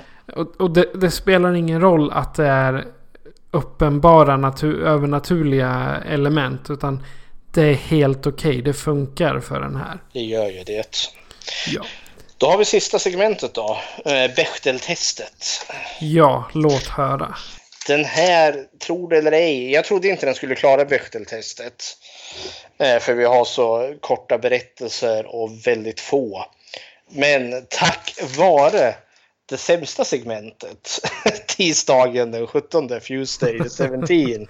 Där har vi två kvinnor. Eh, Vi har Samantha och Wendy. Eh, Två namngivna kvinnor. Träffar de någonsin varandra? Jajamensan, de sitter i samma bil. Eh, pratar de om någonting annat än män? Ja, det gör de. De pratar om eh, de mystiska morden och eh, varför de håller på och filmar och beter sig. Så eh, VHS klarar med nöd och näppe Bechteltestet. För de andra där vi har mer än en kvinna som second honeymoon, då har du ju Stephanie och mördaren där. Eh, de träffar visserligen varandra och de pratar om något annat än män, men vi vet inte vad eh, hon den andra kvinnan heter. Och så har vi ju Amateur Night, där har du ju Lily och Lisa som de raggar upp. Men de pratar aldrig med varandra. Nej, vi, de träffar varandra, vi vet vad de heter, men de pratar inte med varandra. Så, så tack vare det sämsta segmentet så klarar de sig för The sick thing that happens to Emily when she was younger. Eh, Där har vi också två kvinnor, men vi vet bara namnet på Emily. Eh, Och de träffar eh, aldrig varandra och de pratar heller då inte med varandra. Och i 104198 så har vi bara en kvinna och det är ju den här kvinnan uppe på, eh, på vinden. Eh, och henne får vi ju ingen namn på alls. Så ja, hepp. Den, trots det så klarar den sig. Hepp. Det är ju alldeles utmärkt. Vi måste kanske börja föra någon lista här, liksom lägga upp som statistik över alla filmer vi har sett. Jag måste kanske börja gå retroaktivt bakåt, det kan jag göra och roa mig med för att se de tidigare filmerna vi har sett, om de klarar Bechdel-testet eller inte. Ja, gör det. Det blir kul. Det som, om det är någon som har intresse av att veta det. Ja, jag kan ju ta de här filmerna som eh, kanske är våra favoriter som vi har tyckt om. Behöver inte ta på alla f- 40. Ja, det är inte bara 40. Vi är väl uppåt 60-65 filmer nu. Det har jag lite att göra om. Ja, lite att göra, ja. ta en sån här för en rainy dag liksom. Mhm. Ja. Men om du som lyssnar då har en åsikt om VHS eller har någonting kul att berätta eller har en åsikt om oss så kan du göra så här för att kontakta oss. Skräckfilmscirkeln presenteras av Patrik Norén och Fredrik Rosengren. Besök skräckfilmscirkeln.com för att se hur du kan kontakta oss, var du kan följa oss och hur du kan stödja oss. Lämna gärna ett betyg på iTunes, Spotify eller Podbean så att fler kan njuta av våra diskussioner. Tack för att du lyssnar! Och Fredrik, vad blir det i nästa avsnitt? Nu har vi då lämnat säsong tre utav eh, cirkelträffarna på ABF och går in i säsong fyra. Och då fick jag ju den briljanta idén back in the days att vad ska jag välja för teman? Jo, vi kan, man kan ju ha teman om skräck från olika länder. Jag har insett här nu mitt stora bekymmer nu när vi sitter och gör podden där om man ska ha den här lilla faktabiten att jag tar ett helt jävla land och dess historia. Det vart ganska mycket. Men tanken jag hade då det var liksom att jo, man kanske kan hitta något om någon rolig, eh, läskig seriemördare som fanns i landet. Men ja, så vi, vi, vi inleder starkt med skräckfilm från Kanada. Och vilken film ser vi då? Eh, vi kommer att se bland annat filmen Tusk. Som Kevin Smith gjorde. Task, den, den tycker jag är ganska obehaglig. Men jag kommer ha mer att säga om det i nästa avsnitt. Och det är väl kanske lite fusk här också för det är väl en samarbetsproduktion. Den är väl både amerikansk och eh, kanadensisk. Så. Ja, det är väl oftare kanadensisk-amerikansk eller kanadensisk-brittisk. Eller, Mhm. För kanadensarna kan tydligen inte göra egna filmer utan de måste ta hjälp utifrån. Om inte annat så utspelar den sig i, i Kanada. Jag vet, vi får kanske få frisera. Vad heter det själva eh, mod- eh, temat till den här. Men ja, det, det är task som står på menyn. Och eventuellt skräck från Kanada då. Okej, det låter bra. Men eh, ja, vi, har bara, vi har bara en sak kvar att säga och det är att eh, jag heter Patrik. Och jag heter Fredrik. Du har lyssnat på Skräckfilmscirkeln. Adjö på er. Adjöken.